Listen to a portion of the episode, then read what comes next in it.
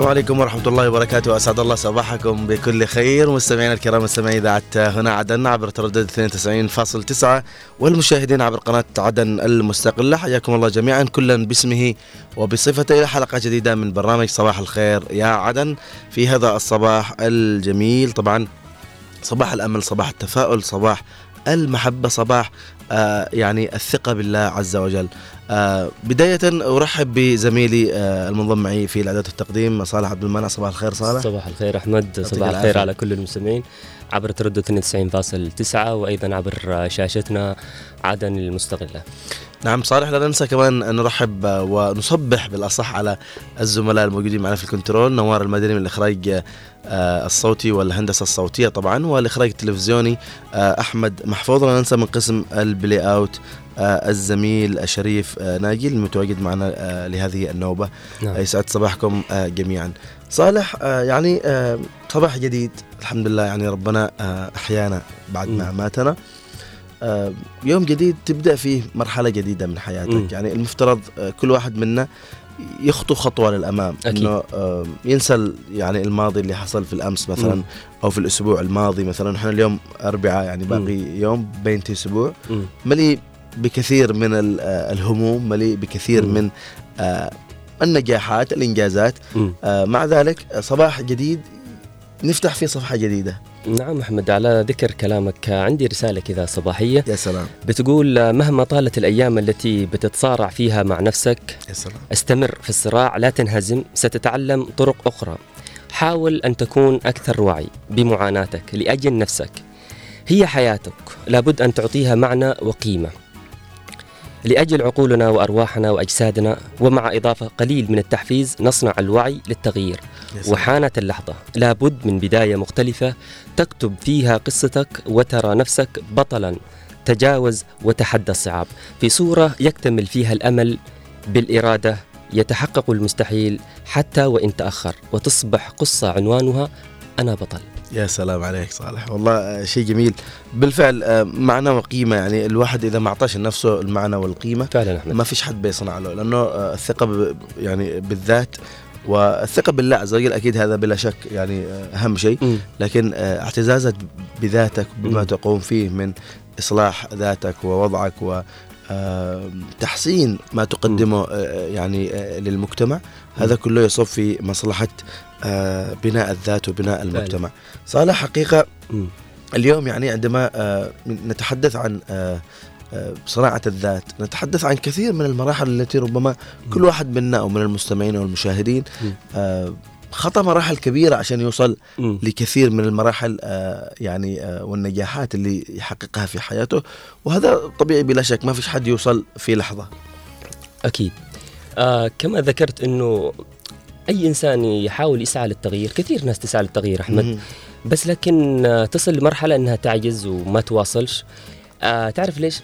لأنه مشكلتنا الوعي مم. هو أي إنسان أعتقد إنه واعي للتغيير اللي اللي هو بيمشي فيه أو اللي هو اتخذ قرار إنه أنا خلاص أنا أنا بحاول أتغير أنا بحاول أصنع إنسان جديد أنا بحاول أتجاوز كل الصعاب لكن لا إذا ما أنتش واعي صحيح. وفاهم صحيح. ومدرك إيش تاريخ المشاكل اللي عندك يا سلام. إيش اللي أجبرك إنك تصير كذا إيش اللي خلاك مثلا تكون إنسان بهذا الشكل بس هنا لو دي اللمحة أو دي التفصيلة البسيطة لو الواحد فهمها هي الوعي صحيح. الوعي بالتغيير أعتقد صحيح. أنه بيخلي الإنسان يتغير للأفضل إذا كان ما عندكش وعي أنت إنسان مش واعي لقيمة التغيير أحمد أعتقد أنك بتنصدم بواقع مؤلم جدا صحيح. لأنك بتحاول وتصارع وكذا وأنت في الأخير ما قدرتش صحيح. توصل لمكان ونحن نحتاج أن نتجاوز ونتخطى كثير من آه، العقبات أكيد. وما نتذكرها يعني مش مش نتذكرها عشان بعضهم آه لما يتذكر يتذكر مثلا لكن أتذكر عشان تشوف فين كنت وفين أصبحت. بالضبط. فهذا اللي نحتاجه اليوم هنا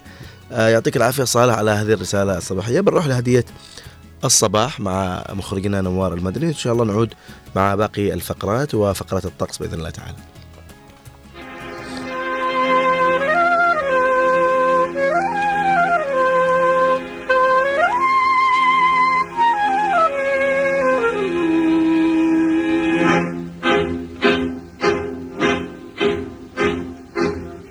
زهرة في خيالي راعيتها في فؤادي. يا زهرة في خيالي راعيتها في فؤادي. جنت عليها الليالي وأذبلتها الأيادي وشغلتها العيون. فمات سحر الجفون هي غرامي كل شيء ضاع مني. فنزعت الحب من قلبي وروحي. هي هي غرامي كل شيء ضاع مني. فنزعت الحب من قلبي وروحي. ووهبت العمر أوتاري ولحمي. وتغنيت فدويت جروحي أنا طير في ربى الفن يغني للطيور للزهور في الوصول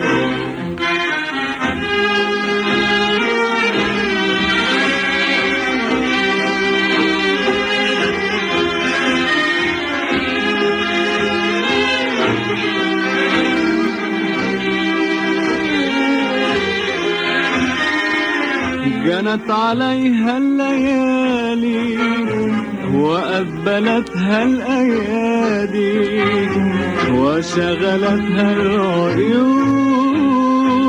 فمات سحر الجفون هي غرامي كل شيء ضاع مني فنزعت الحب من قلبي وروحي هيا غرامي كل شيء ضاع مني فنزعت الحب من قلبي وروحي.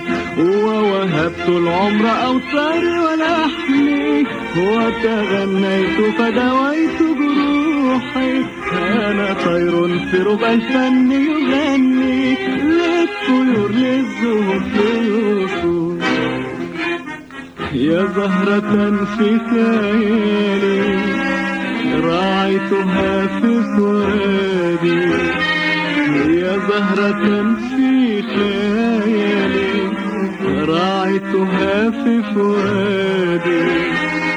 جنت عليها الليالي وأذبلتها الأيادي وشغلتها العيون فمات سحر الجفون.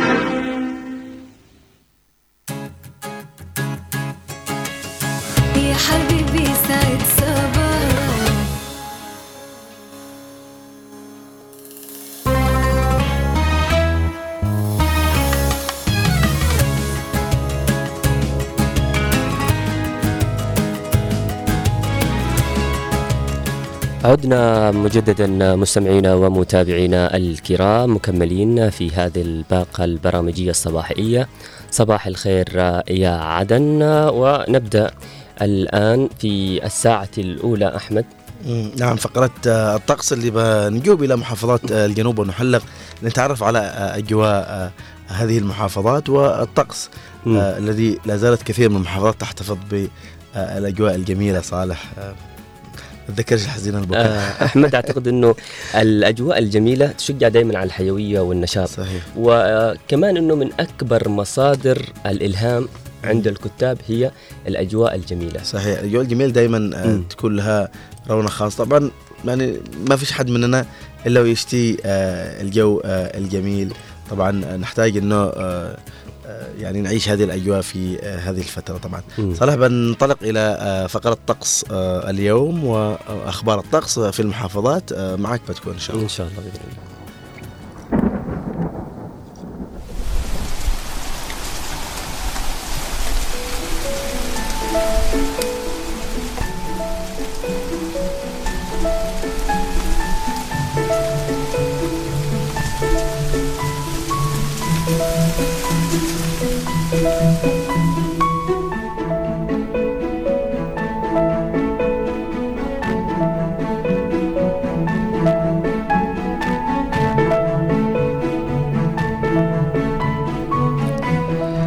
بداية كما عودناكم نبدأ في محافظة لحج. سيكون الطقس نهارا صافيا مع ظهور بعض السحب المتفرقة على فترات وتكون درجة الحرارة العظمى 32 درجة مئوية. وسيكون الطقس ليلا صافيا مع ظهور بعض السحب المتفرقة على فترات وتكون درجة الحرارة الصغرى 24 درجة مئوية.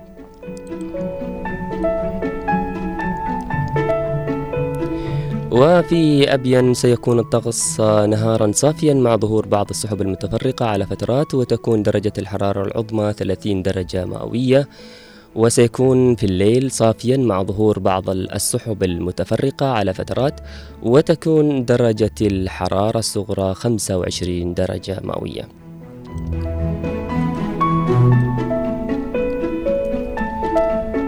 وفي يافع سيكون الطقس نهارا صافيا مع ظهور بعض السحب المتفرقة على فترات وتكون درجة الحرارة العظمى 24 درجة مئوية وبيكون الطقس ليلا صافيا مع ظهور بعض السحب المتفرقة على فترات وتكون درجة الحرارة الصغرى 16 درجة مئوية.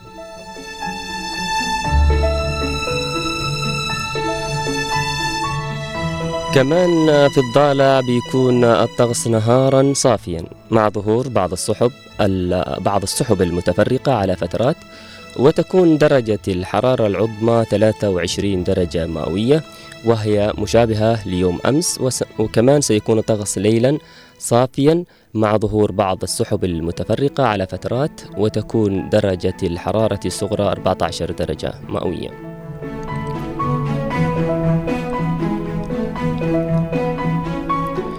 في شبوة سيكون الطقس نهارا صافيا مع ظهور بعض السحب المتفرقة على فترات وتكون درجة الحرارة العظمى 32 درجة مئوية وسيكون الطقس ليلا صافيا مع ظهور بعض السحب المتفرقة على فترات وتكون درجة الحرارة الصغرى 20 درجة مئوية.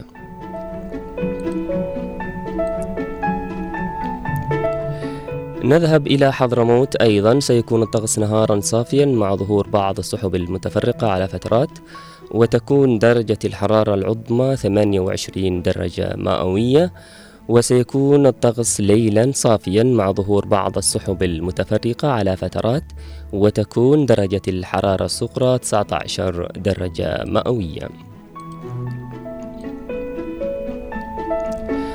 أما عن محافظة المهرة سيكون الطقس نهارا صافيا مع ظهور بعض السحب المتفرقة على فترات وتكون درجة الحرارة العظمى 31 درجة مئوية وهي مشابهة ليوم أمس وسيكون الطقس ليلا صافيا مع ظهور بعض السحب المتفرقة على فترات وتكون درجة الحرارة الصغرى 19 درجة مئوية.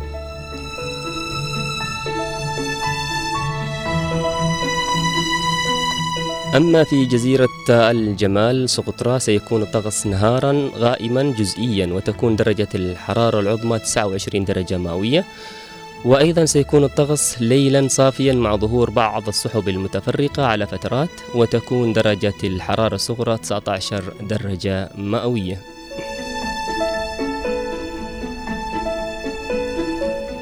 أيضا في عدن سيكون الطقس نهارا غائما جزئيا وتكون درجة الحرارة العظمى 27 درجة مئوية ويكون الطقس أيضا في الليل صافيا مع ظهور بعض السحب المتفرقة على فترات وتكون درجة الحرارة الصغرى 25 درجة مئوية. كمان أيضا الطقس في الفجر اليوم كان غايم بدرجة 25 درجة مئوية في عدن وصباحا كان 26 درجة مئوية. أما عن الرياح بالظهر بتكون غيوم متفرقة بدرجة 27 درجة مئوية والرطوبة عصرا بيكون غالبا غايم بدرجة 27 آه، درجة مئوية. أما في المساء غالبا بيكون الجو غايم بدرجة آه، 26 آه، درجة مئوية وفي الليل بيكون غايم جزئيا بدرجة 25 درجة مئوية يا أحمد. آه، أحمد تجولنا في أحوال الطقس في محافظاتنا ومناطقنا. أعتقد أن الأجواء ما زالت آه، مستقرة آه، بما يحبه ال- ال- الناس ويحبوا هذه ال- الأجواء.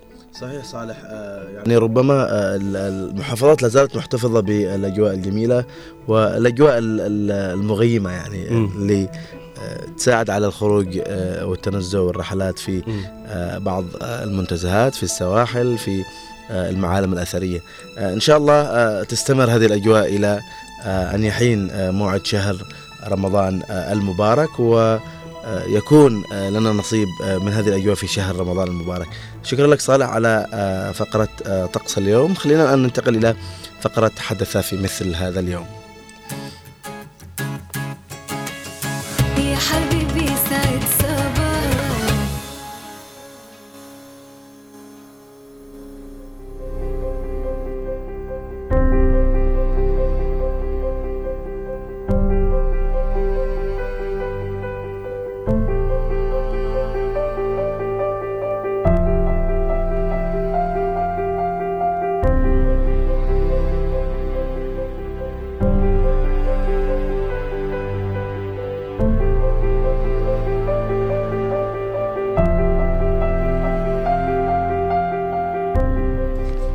أهلا وسهلا بكم مستمعينا ومشاهدينا إلى فقره حدث في مثل هذا اليوم الرابع عشر من شهر فبراير. طبعا حدث في مثل هذا اليوم الرابع عشر من شهر فبراير من عام 1804 كارا جورجي يقود أول انتفاضة صربية ضد الدولة العثمانية. كمان حدث في مثل هذا اليوم في العام 1859 أوريغون تصبح الولاية رقم 33 من الولايات المتحدة الأمريكية. أيضا حدث في مثل هذا اليوم من عام 1878 السلطان العثماني عبد الحميد الثاني يحل البرلمان بعد أقل من عام على إنشائه ولم تعد الحياة البرلمانية إلا بعد 30 عاما بعد الانقلاب عام 1908 أيضا حدث في مثل هذا اليوم في العام 1908 انتخاب محمد فريد زعيما للحزب الوطني المصري خلفا لمصطفى كامل.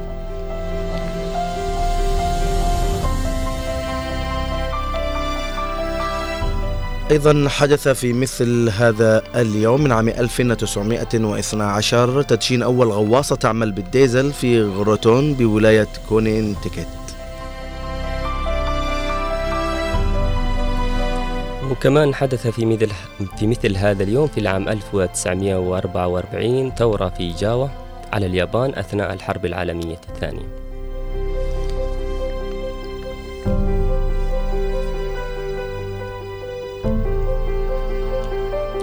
أيضا في مثل هذا اليوم من عام 1945 سلاح الجو الملكي البريطاني وسلاح الجو الأمريكي يبدأان القصف الحارق لدريدستن عاصمة مقاطعة ساكسونيا الألمانية.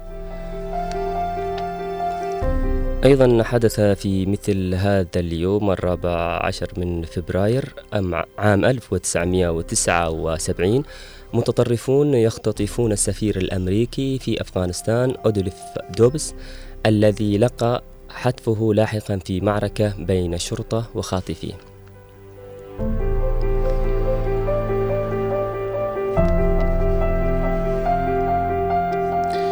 حدث في مثل هذا اليوم من عام 2002 دولة البحرين تتخذ اسم مملكة البحرين وتغيير لقب الحاكم من أمير إلى ملك.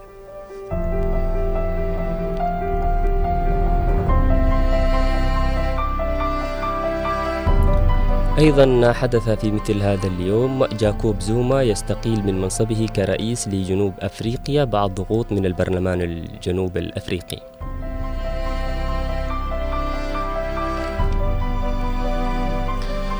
ننتقل الآن مستمعينا إلى صفحة المواليد لهذا اليوم حيث ولد في عام 1483 في الرابع عشر طبعا في فبراير مثل هذا اليوم ظهير الدين بيبر مؤسس سلطنة مغول الهند.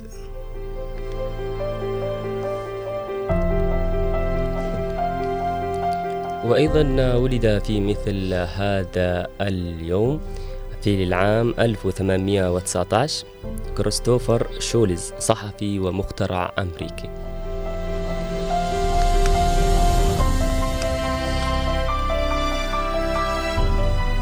أيضا ولد في مثل هذا اليوم من عام 1951 كيفن كيغان وهو لاعب لاعب ومدرب لكرة القدم وهو إنجليزي.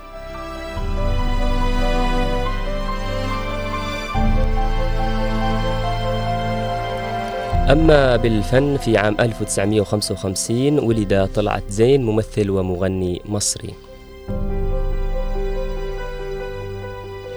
أيضا آه، لازلنا في الفن والفنانين في عام 1961 في مثل هذا اليوم ولدت الفنانة والمغنية التونسية لطيفة.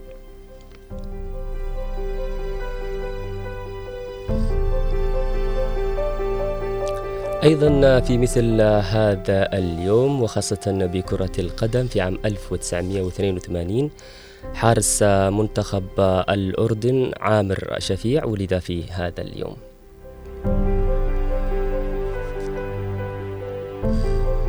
أيضا ولد في مثل هذا اليوم من عام 1984 حامد النموشي وهو لاعب كرة قدم تونسي.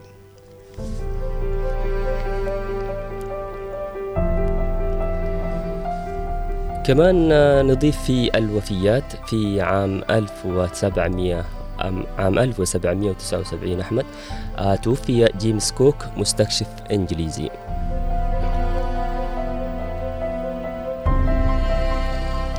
أيضا آه، توفي في مثل هذا اليوم الرابع عشر من شهر فبراير من عام 1976 سيد النقشبندي وهو منشد ديني مصري. طبعا من من لا يعرف النقشبندي ونشيده المعروف بمولاي آه، إني ببابك.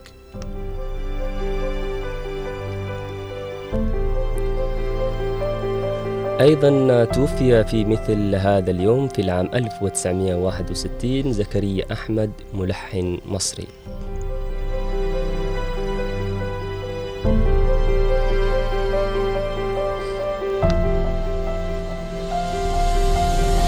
أيضا في مثل هذا اليوم توفي في عام 2005 رفيق الحريري وهو رئيس وزراء لبناني سابق.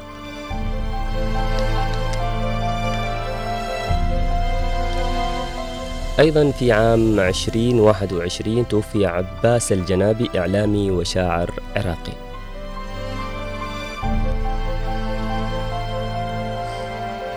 أيضا في مثل هذا اليوم الرابع عشر من شهر فبراير عام 2021 توفي مريد البرغوثي وهو شاعر وأديب فلسطيني. نذهب في فقرة أعياد ومناس- ومناسبات في مثل هذا اليوم الرابع عشر من فبراير هو عيد الحب يا أحمد. أيضا ويوم الحداد الوطني في المكسيك ويوم الميثاق في البحرين.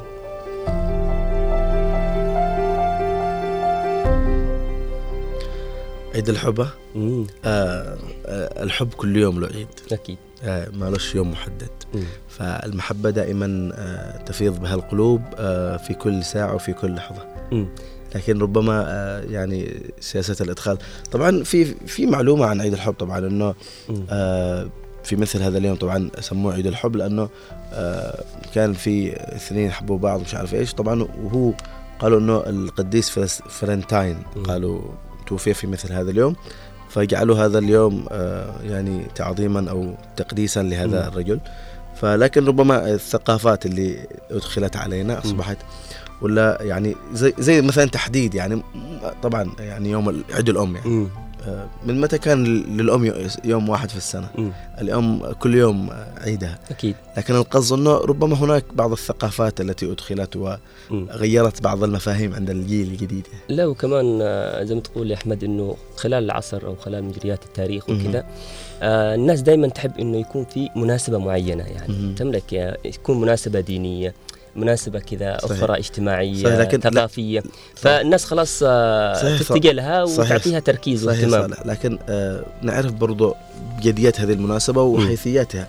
مش يعني واحد آه خلاص آه، سمع إنه في مثلا عيد كذا كذا آه راح يعني زي يعني اليوم سموه عيد الحب. آه يعني قصته إنه قديس يعني كان في الكنيسة أو. شيء و- واعدموه يعني بقطع الرأس ومش. عارف إيش القصة المعروفة يعني. فنعرف أق- يعني أقل شيء تاريخ المناسبة هذه أو. تاريخ هذا العيد من فين اجى من فين ممكن عشان أقل شيء ما نغترش أو ما ينضحكش علينا كجانب يعني ثقافي أكيد وخلفية أكيد خلفية وكمان ثقافية. عشان ما ت- تحنب وتروح للمحلات وتشتري هدايا و دب نو- دب نوار حمار يعني نوار اشتري دب ها؟ تمام أيوه ما يعترف تمام كلنا نعترف. يعطيك العافية لأنه كل يوم عيد الحب يا نوار أكيد نحن نحبك الله يعطيك العافية يا نوار وان شاء الله آه، متواصلين آه، مع الفقرات طبعا بنذهب إلى فقرة آه، أخرى وهي فقرة حلو الأخبار أحمد. نتمنى بنتعرف. نتمنى تكون أخبار آه، إيجابية وحلوة على المستمعين. باذن الله بنتعرف عن أبرز الأخبار في المواقع والصحف الإلكترونية. نعم. يا حبيبي سعد صباح.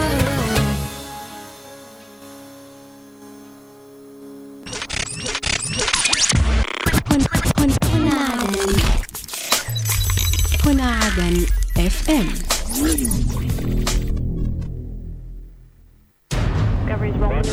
ام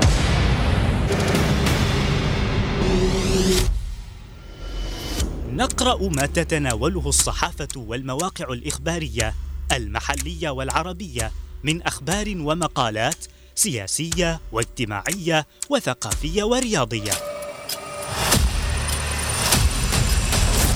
لا تتفرقوا على الشعب هذا ذليتوا لا تذلوا شعب عظيم. أنا على هذا الوضع حنشقى على ثلاثة إيتام. ثلاثة إيتام. تعال. لا إمكانية معانا. لا راتب زي ما الدولة. لا أسعار. عبرت تنفيذية انتقال العاصمة عدن. عقدت هيئة المرأة. قامت ميليشيا الحوثي الإرهابية قصفا عشوائيا. نهبط الآن سويا ضمن النشرة إلى الملف الرياضي. كنترول وكرة يا الله. والهدف الأول. انفجار جماهيري نواكب فيها كل المستجدات وننقلها لكم في برنامج زاوية الصحافة. زاوية الصحافة من السبت للخميس الثاني عشر والنصف ظهرا. جولة إخبارية على هنا عدن اف ام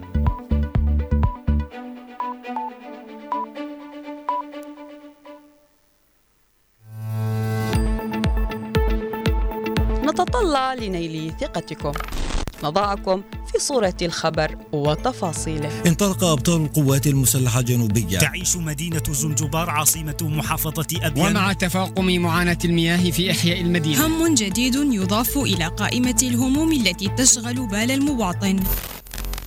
تقارير إخبارية وتحليلية. مركز الطوارئ التوليدية الشاملة. إلى الشعيب مرة أخرى. ستة شهداء رووا الأرض بدمائهم الزكية مفارقين عائلتهم لجرح لا يندمل. نجسد المهنية الموضوعية والدقة هي السبق في تقارير الأخبار. تقارير الأخبار من السبت إلى الخميس. في تمام الساعة السادسة مساء.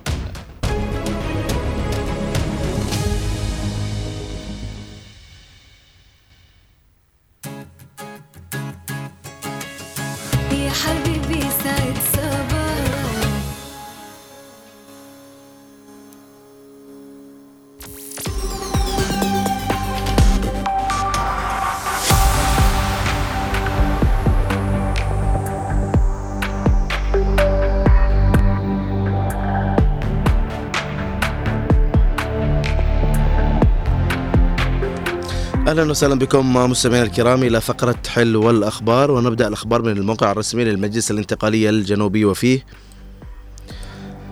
الرئيس الزبيدي سنقف إلى جانب رئيس الحكومة لأحداث تغييرات حقيقية وسنقيم أداءه باستمرار. البحثنية تطلع على نشاط الجمعية الوطنية وخططها للعام الجاري.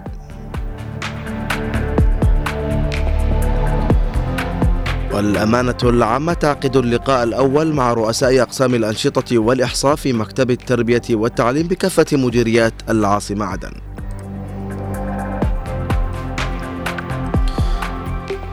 وننتقل إلى 4 مايو وفيه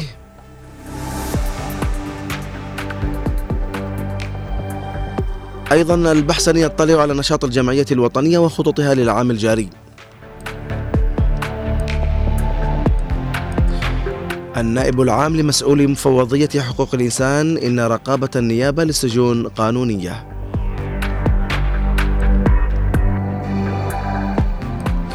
تواصل أعمال بناء مدرسة متكاملة لذوي الاحتياجات الخاصة وروضة بمديرية المنصورة.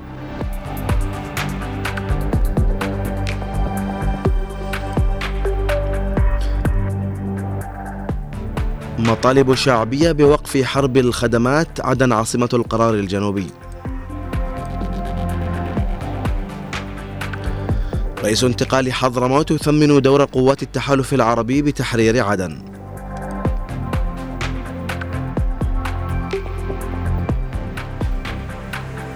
رئيس مجلس القضاء يتابع دور المحكمة العليا في مجال البت بالقضايا المعروضة عليها.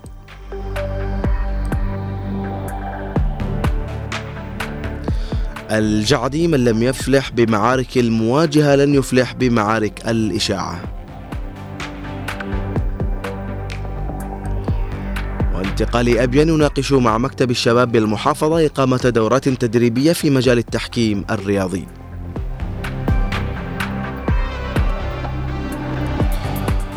رئيس انتقال أبين يطلع على أوضاع جمعية رعاية وتأهيل المعاقين حركيا بزنجبار.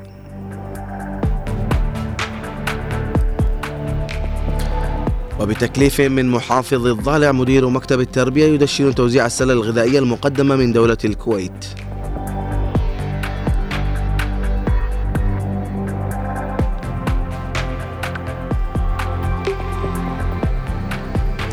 الحالمي يلتقي مدير مكتب التعليم الفني والتدريب المهني بمحافظة لحج.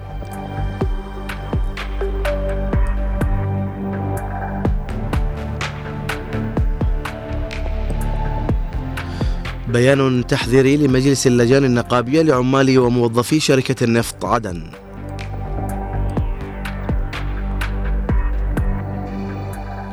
والبحث الجنائي يسمح بإعادة فتح إرشيف أراضي عدن.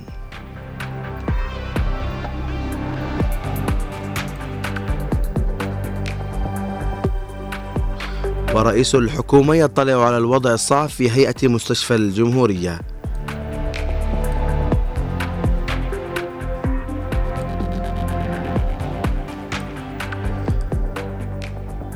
ومن عدن تايم إلى عدن 24 وفيه.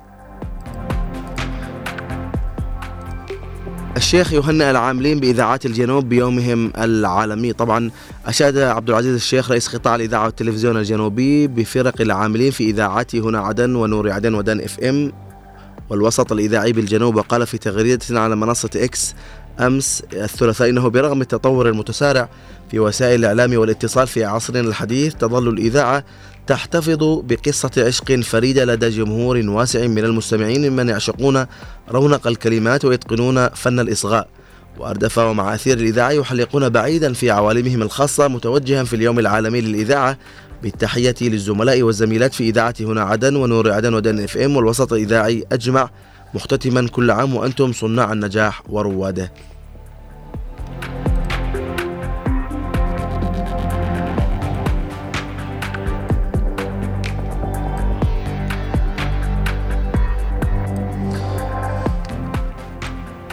أيضا مدير عام مستشفى الصداقة تحضر ختام دورة مراجعة الإجراءات المبكرة لوباء الكوليرا.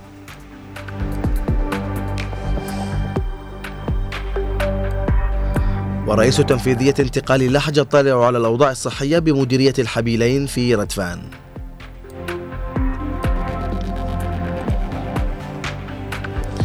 وننتقل إلى الموقع الرسمي للقوات المسلحة الجنوبية درع الجنوب وفيه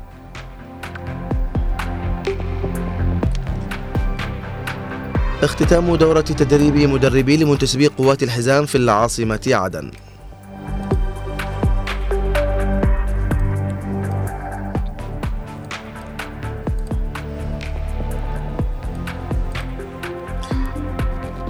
وأيضا البحث يطلع على نشاط الجمعية الوطنية وخططها للعام الجاري.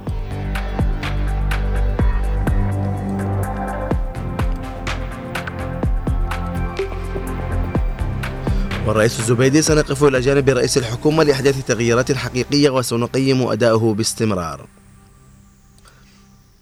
طبعا مستمعينا كانت هذه أبرز الأخبار في فقرة حل والكلام في فقرتنا آه الإخبارية. إن شاء الله تكون أخبار آه جميلة جدا. طبعا في أخبار حقيقة لفتت آه نظري جدا. من يعني من أبرز الأخبار صراحة آه اللي هو آه خبر في آه مديرية آه المنصورة صالح. آه بناء مدرسة آه متكاملة وروضة لذوي الاحتياجات آه الخاصة. وهذه من الأمور آه، المهمة حقيقة آه، اللي نحن اليوم نحتاجها هذه الشريحة الواسعة من آه، أبنائنا وأخواننا وأطفالنا. يجب يعني أن يكون لهم رعاية خاصة واهتمام خاص. فعلا. نشكر حقيقة كل القائمين على هذا المشروع والجهود التي آه، تبذل ازاء هذا آه، يعني المشروع. إن شاء الله نتمنى لهم التوفيق ولخدمه هذه الشريحة الكبيرة اللي آه، يعني يعني كثير من الناس حقيقة يحاولوا إنهم يهتموا فيها. أكيد يا أحمد هم يستحقون ذلك لأنه ما فيش فرق ما بيننا وبينهم. صحيح. آه نحن للأسف عدنا مقصرين معاهم في. بلداننا العربية أو حتى هنا. فالناس اللي فاهمة قيمة ال- الإنسان أكثر أعتقد إنهم يا أحمد آه، بيهتموا فيهم كثير. بيحققوا لهم كل الوسائل ال- المتاحة والتي هي بتساعدهم إنهم يمارسوا حياتهم الطبيعية زينا يعني. صحيح. طبعا هو هو طبعا آه، سير الأعمال الإنشائية في المشروع آه، تفقدها مدير العام المنصورة. وقاموا بجهود كبيرة. آه، صالح خلينا ننتقل لفقرة آه، بريد اليوم مع مراسلنا آه، آه، من محافظة الضالع. معنا رائد صباح الخير رائد. صباح الخيرات والمسرات أحمد وصالح وصباح السعادة لكل المستمعين الأفاضل عبر أثير إذاعة هنا عدد. مم. يعطيك العافية. صباح الخير وبالأمس آه، يوم الإذاعة العالمي نهنيك كمان يعني.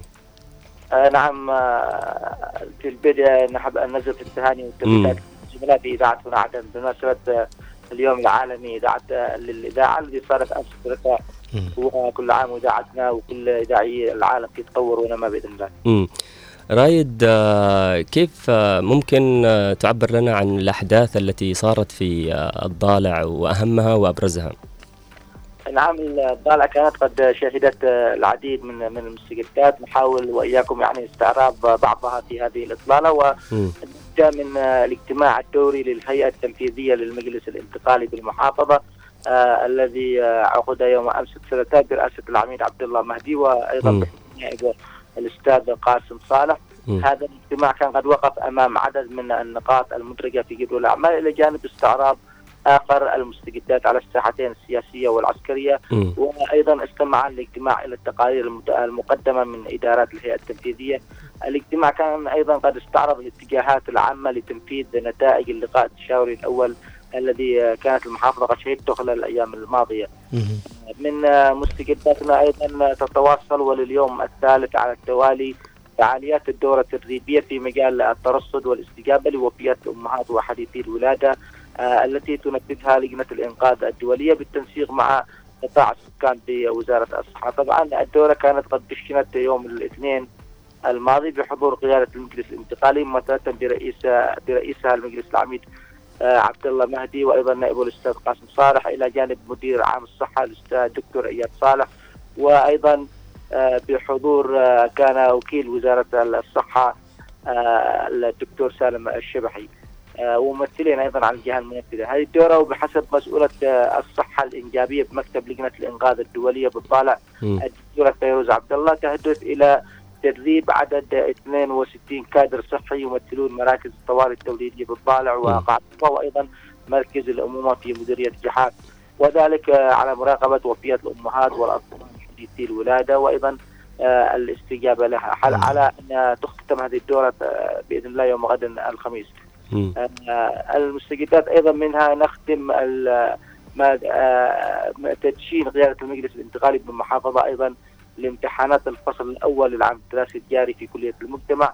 كان رئيس المجلس العميد عبد الله مهدي ونائبه الأستاذ قاسم صالح وأيضا بمعية مدير عام التعليم الفني والتدريب المهني الأستاذ فارد شكري كانوا قد طافوا بالقاعات الامتحانية واستمعوا من عميد الكلية الدكتور أديب أحمد محسن إلى كيفية سير العملية الامتحانية وأيضا ثمنوا كل الجهود المبذولة في سبيل الارتقاء آه، بالكلية، كمان آه، كان هنالك تدشين لامتحانات الفصل الدراسي الأول في معهد الدكتور أمين ناشر للعلوم الصحية فرع الضالة بحضور عميد المعهد وائل عبد الله وذلك بمختلف أقسام وتخصصات المعهد وهي أقسام مساعد طبيب وتمريض وقباله المجتمع.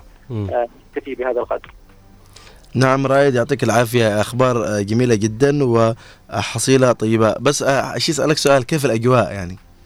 أجواء نعم الضالع كعادة الأجواء الشتوية مستمرة في في صباحيات الضالع وصباحيات دافئة ومثالية تعيشها المحافظة وخصوصا نحن على مقربة من نهاية فصل الشتاء. أحيانا الأجواء تكون متقلبة بين ارتفاع درجات الحرارة وانخفاضها وهذا ما يؤثر على صحة وسلامة ال- ال- الجهاز التنفسي للناس بحكم تقلبات الطقس. نعم ربنا يحفظ الجميع ويعطيك العافية رائد على هذه الرسائل الصباحية آه، الجميلة من آه، محافظتنا الحبيبة الضالع يعطيك العافية. الجميع إن شاء الله. شكرا لك للغاء. آه، استمعنا حقيقة إلى آه، يعني ال- بريد اليوم مع. مراسلنا من الضالع طبعا رائد علي شايف وكثير من الأخبار صالح يعني آه، في جهد على الأرض صراحة يبذل. مم، أكيد. في جهد على الأرض يبذل. يعني ربما ال- الدورات آه، يعني ربما الدورات التدريبية الدورات التثقيفية في جوانب الصحة مم. هذا أبرز اليوم ما نحتاجه خصوصا أنه اليوم في شرائح كثيرة من آه، يعني آه، يعني من الناس أو من ال- المجتمع تحتاج إلى كثير من يعني آه، مثل هذه. يعني مسألة تطبيق آه، عملي آه، أيضا آه، تنفيذ مشاريع. كل هذه حقيقة جهود ملموسة. وإن شاء الله يعني تنعكس على المواطن. بالنهاية يعني هو قال دورة تدريبية لأمهات حديثي الولادة أو. يعني آه، ربما كثير من آه، يعني آه، سواء في التعامل الأسري أو حتى في طريقة يعني تربية الأبناء أيضا. آه، هذه دورات مهمة. ربما هناك أمهات يعني آه، لا تعرف تتعامل مع ابنها كذلك. آه، هناك كثير من الأمور اللي نحن نحتاجها آه، اليوم في آه، يعني آه، في مجتمعنا من دورات من آه، يعني آه، يعني رسائل آه، توصل سواء على. الصعيد الطبي على الصعيد آه، آه، الرياضي على الصعيد. الصحي على الصعيد المجتمعي فعلا أحمد بالأمس أحمد أعتقد أنه آه، نفتقد لكثير من هذه الأشياء خاصة الدورات التدريبية وبناء القدرات والدورات الخدمية أو صحيح. بشكل عام يعني بس اليوم بدأنا شوية آه، آه، نشوف ونقرأ ونتابع كل يوم إنه صحيح. في في محافظة معينة في في خبر حلو كذا و ونتمنى دائما التوفيق للمحافظات بإذن, بإذن الله طبعا آه. آه، الفقرة المرتقبة صالح. الفقرة حقك أنت والكابتن. خلاص. معنا الكابتن خالد صباح الخير. صباح الفل أحمد صالح عجيب نوار أحمد محفوظ الاحبه في من عدن الله يعطيك العافية. يلا ننطلق إلى الفقرة الرياضية.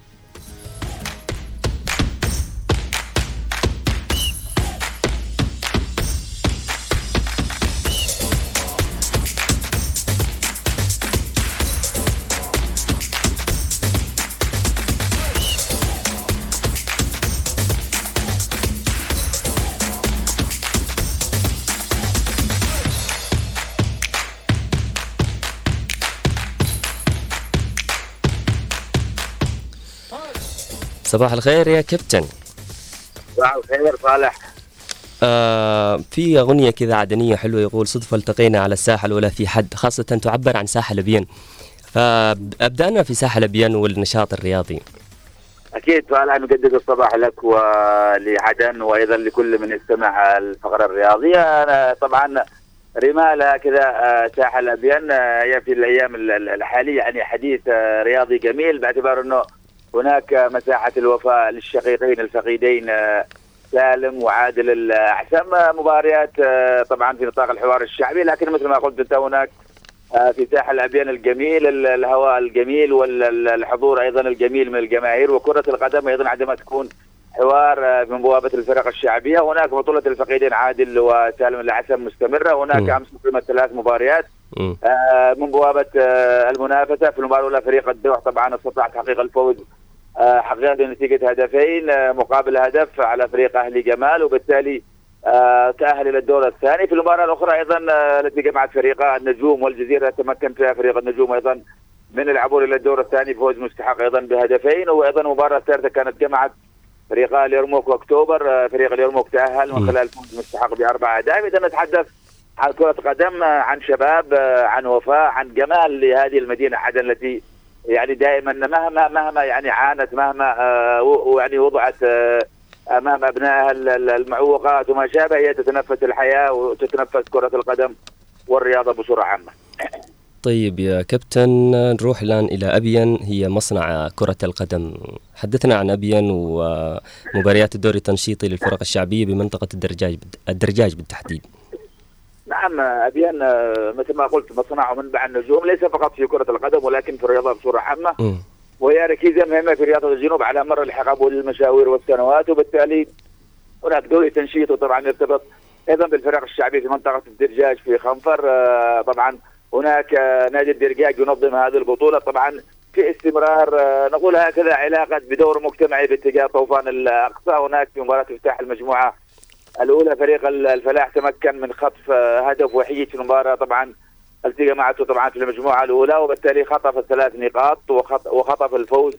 وأيضا آه، التأهل إلى الدور الثاني. لكن في الأخير إنه مثل ما قلت أنت آه، طبعا صالح كرة القدم في ابين أيضا لها حوار خاص لها هوية خاصة النجوم. لكن ابين تعاني تعاني. تعاني مع يعني الويلات والأمرين وبالتالي هؤلاء اللاعبين يذهبون إلى الحوار الشعبي في ظل غياب المناشط الرسمية في الدوريات الرسمية.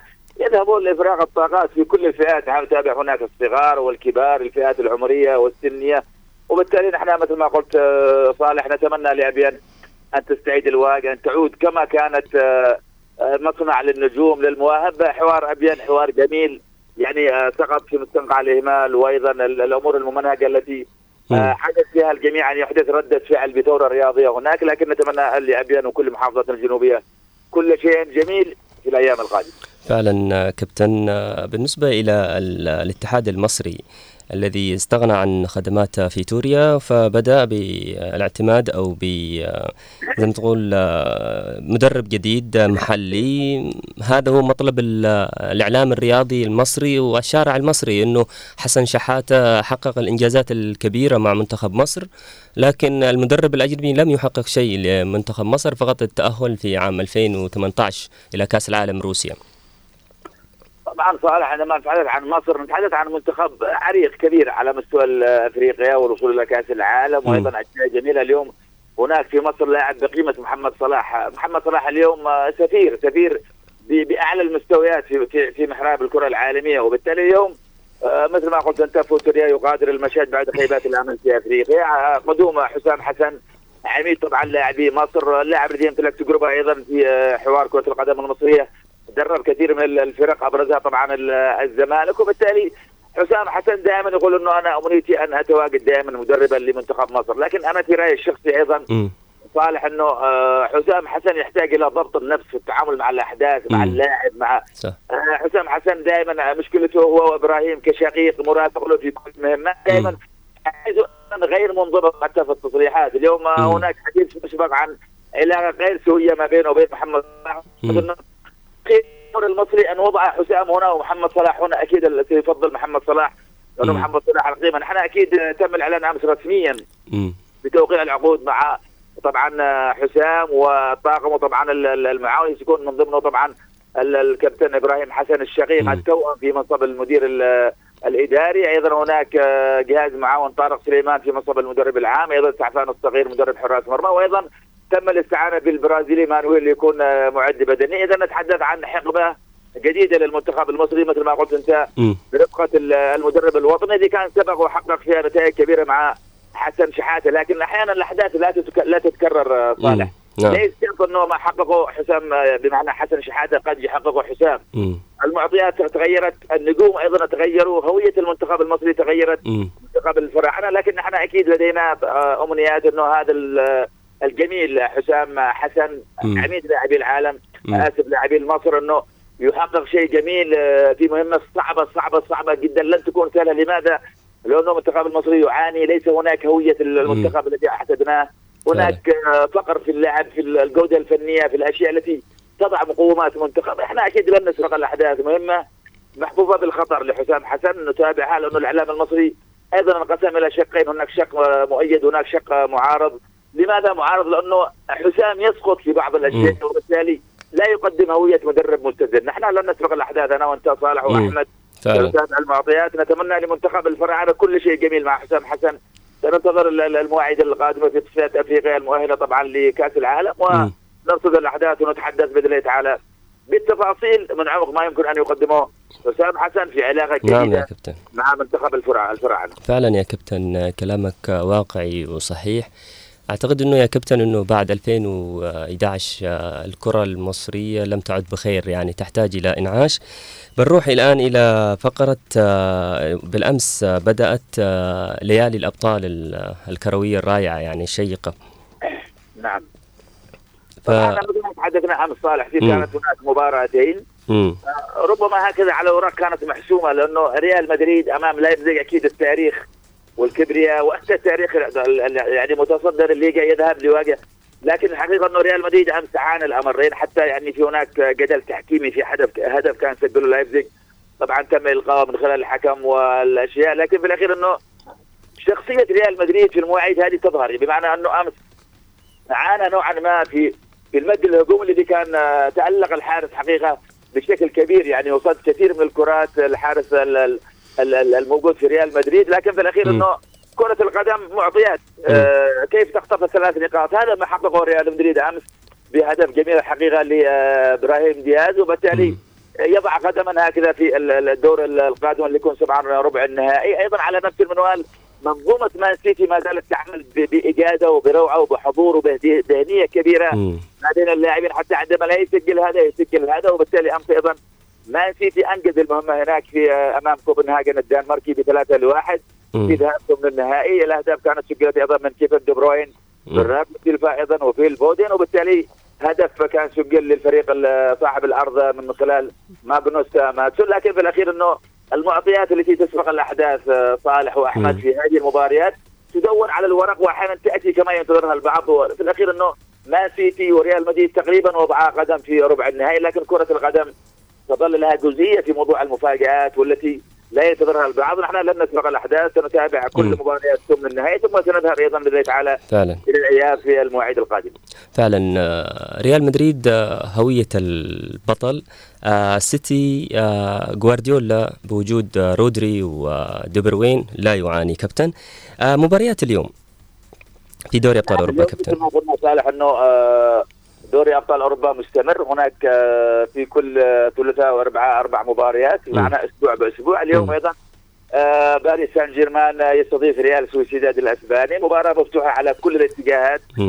هناك اختبار حقيقي طبعا لانريكي لقدرته على المواصلة. مع باريس. طبعا الانتقال ما هو أفضل. بعد كان يخفق في المواعيد السابقة. لدينا المباراة اليوم. الفريق الإيطالي أيضا لاتسيو ربما يسحب الحماس أمام فريق. بايرن الذي يعاني. الذي قوية أيضا في دوري أبطال أوروبا قوي حتى وإن كان خسر في. النطاق المحلي أمام آه، باير ليفركوزن بثلاثية لكن هذه الفرق لديها ردة فعل لديها قدرة على انه تنهض سريعا وتذهب إلى المحطة التي تلي الخسارة أو التعثر بشيء جميل أعتقد إنه أيضا مباراة جميلة اليوم سنتابعها في نفس التوقيت في الحادي عشر بتوقيت عدن لاتسيو بايرن ميونخ لدينا. أيضا في كأس آه، أبطال آسيا في الحوار العربي طبعا المباراة التي تلعب فيها فرق عربية العين. الإماراتي. يذهب في إلى أوزبكستان ليواجه. ناسا في أيضا مباراة سعودية خالصة ستكون في التاسعة ما بين الفيحاء ال- والنصر السعوديان إحنا مم. أكيد أنا وأنت صالح لنا متابعة لنا. فرقة وأكيد أنا أشتقت لصوت أحمد المحضار لكن في الأخير يعني أنا أسمع عن فاسو حتى وإن لم يتكلم أنا بدالك يا كابتن لكن أكيد إنه آه، حقيقة حقيقة حقيقة آه، صالح آه، مكسب كبير في الحوار الرياضي ولهنا عدن التوفيق صالح. شكراً. الحبيب أحمد. الله يحفظك يا كابتن. لنا عدن يومكم جميل. أكيد باذن الله تعالى في الغد أو في الأخ لنا في الغد لنا مواعيد أخرى سنتحدث عن الرياضة. شكرا لكل من اتبع الفقرة الرياضية. يا صباح الخير يا عدن يعطيك العافية يا كابتن خالد. آه يعني أنا معك بقلبي وجداني. الله يحفظك. مع السلامة. آه صالح يعني دائما أخبار الرياضة تكون آه، يعني سبحان الله فيها فيها نشاط فيها روح مم. لكن اللي أقصده إنه آه، مش معناته إنه ما تكلمتش يعني لكن سبحان الله أحيانا المتابعة يعني ربما أنت متابع يعني مم. جيد لأحداث الرياضة مم. لكن آه، جميل آه، يعني أن تكون هناك حصيلة ونستمعها معك أنت والكابتن خالد الكابتن الجميل اللي دائما يعني بيطلعنا على كل مستجد وكل جديد في أخبار الرياضة آه، وكثير من الناس منتظرينها يعني. والجميل إنه آه، يعني متابعة يومية وحثيثة من الكابتن يعطيه العافية إن شاء الله. وطبعا بوجودك كمان بتكون أيضا متابع لكثير من أحداث الرياضة. فعلا دائما أنا أحب إني أعطي الفقرة هذه. جمال برغم إنه الكابتن آه، كابتن خالد هو يعطيها جمال أكثر آه، ما شاء الله عليه يعني آه، يعطيك بالتفص بالتفصيل الممل. آه، الرجل هذا معرفتي فيه من قريب يعني ومتابع له في برنامج كرة في ساعة. صراحة أحدث نقلة في الإعلام الرياضي التلفزيوني والإذاعي رجل مثقف كرويا. صحيح كابتن ما شاء الله. آه، يعني كان معنا منذ انطلاقة آه، إذاعة آه، هنا عدن وثم انطلق أيضا إلى الآن عالم التلفزيون و ربنا إن شاء الله يوفقه. طبعا كان قبل كرة في ساعة برنامج الفار أيضا في القناة. صالح بنروح الفاصل قصير الفار الفار. آه.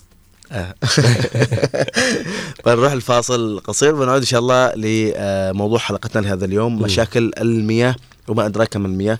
طبعا آه، الفترة الأخيرة كثير من المناطق تعاني من مشاكل المياه تعاني من آه، قلة وصول المياه إلى بيوتهم الضخ ربما قلة الضخ يعني مناطق توصلها الماء لساعتين فقط في اليوم أو يوم في الأسبوع وهذه كلها مشاكل. وربما يعني هناك حلول توضعها المؤسسة العامة للمياه. ولتقليل يعني الصعوبات على المواطنين لكن بالنهاية آه، المسألة تحتاج تكاتف. يعني هناك أمور مترابطة. إن شاء الله بإذن الله نحاول يعني نتطرق إلى هذا الموضوع وإلى إيجاد حلول وحول هذا الموضوع. صالح بيكون إن شاء الله آه، بإذن الله معنا الموضوع في الساعة الثانية وبنحاول نفصل كل آه، صغيرة وكبيرة بإذن الله تعالى. فعلا أحمد آه، زميلي آه، بالنسبة لي أنا كتجربة شخصية آه.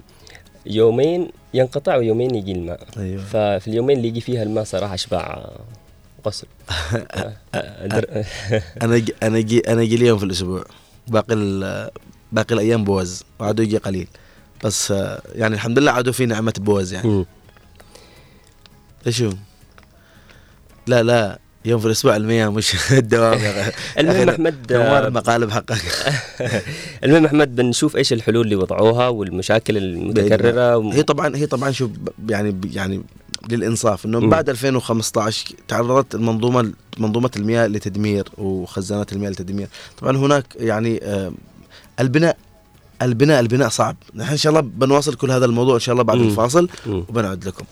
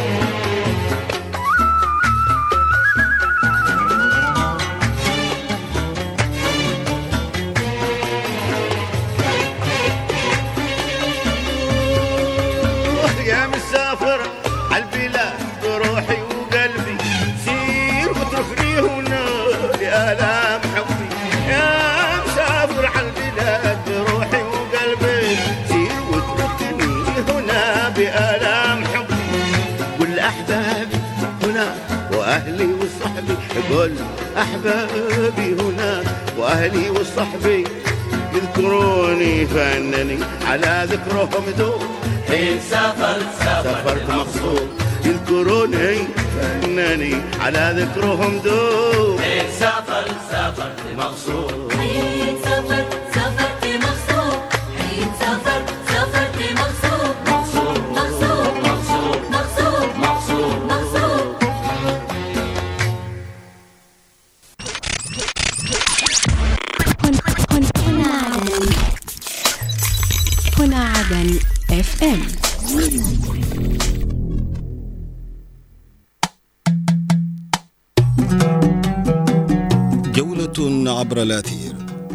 فسحة أثيرية في ساعة من الزمن. نسافر بكم فيها عبر أثير إذاعة هنا عدن. جولة عبر الأثير. مساحة سياحية ثقافية واجتماعية. ما علينا يا حبيبي ما علينا وأعز الناس وأقربهم يا باهي الجبين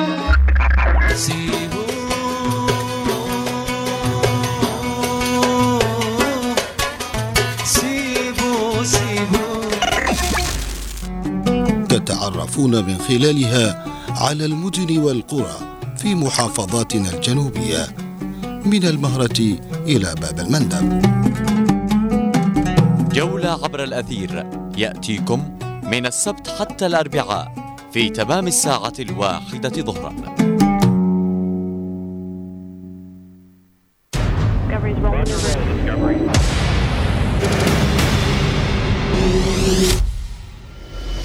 نقرأ ما تتناوله الصحافة والمواقع الإخبارية المحلية والعربية من أخبار ومقالات سياسية واجتماعية وثقافية ورياضية.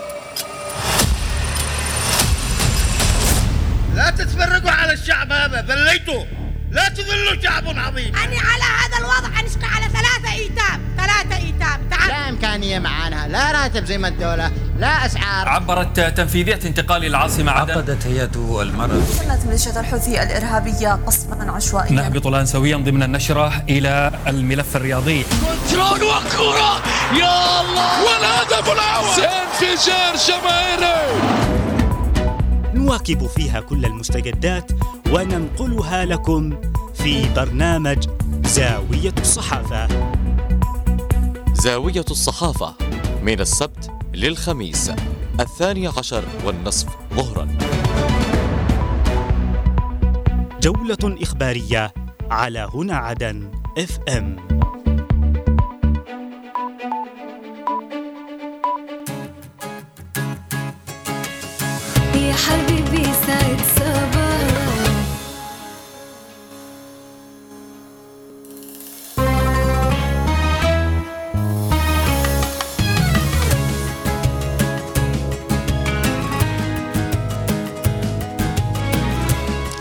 عدنا لكم مستمعينا الكرام بعد هذا الفاصل ونبدأ محاور آه، الساعة الثانية صالح. فعلا الساعة الثانية وهي موضوع اليوم. بنتكلم فيها عن مشاكل المياه أحمد.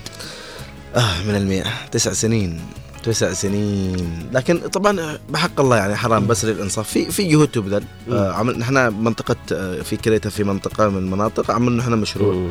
بس لا زالت المشكلة مستمرة ويجي يوم في الأسبوع.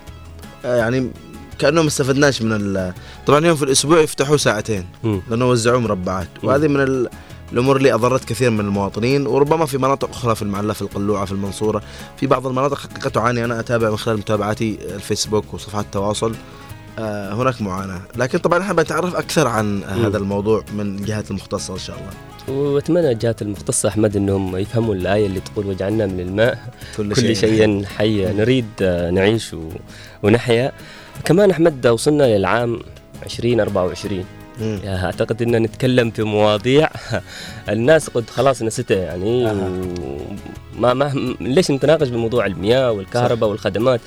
الناس تتناقش في أمور أهم بكثير من أساسيات الحياة اللي يحتاجها المواطن. صحيح. الناس الآن تتكلم في الذكاء الاصطناعي آه. في آه، القمر في طلوع القمر الأقمار الصناعية. في صناعات في تكنولوجيا. على زلنا ما كهرباء آه، اتصالات مش عارف إيش بس لكن أحمد آه، عفوا أحمد بس أعتقد إنه لازم المواطن كمان آه، يحتاج إنه نتكلم بهذه المواضيع عشان نثيرها لأجله لأجل مصلحته ونسمع من الجهات المختصة صحيح طبعا طبعا بقول لك حاجة. لما نتكلم الآن نحن عن مشكلة المياه.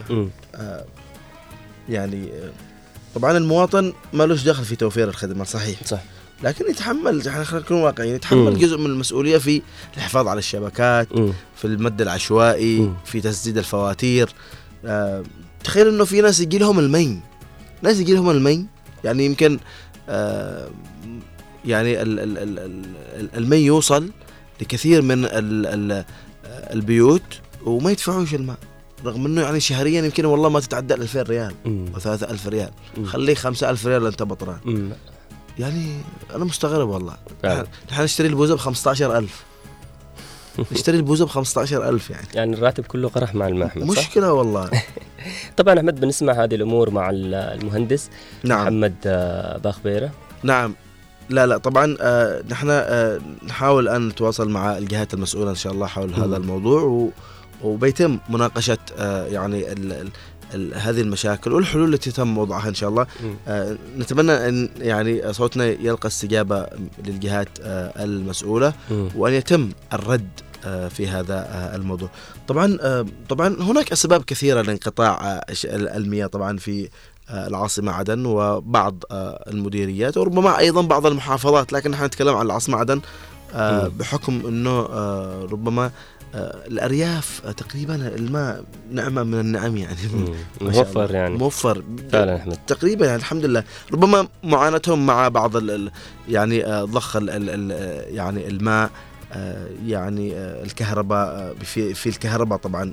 هناك بعض الم- المناطق أعرفها ركبوا ألواح طاقة شمسية عشان يستخرجوا الماء من الابار طبعا هناك حلول تم وضعها أيضا من قبل الجهات المعنية. آه، يعني ربما هناك مشاكل يعني كثير من المشاكل المياه اللي نحن اليوم آه، نعانيها في آه، العاصمة عدن إغلاق الوالات.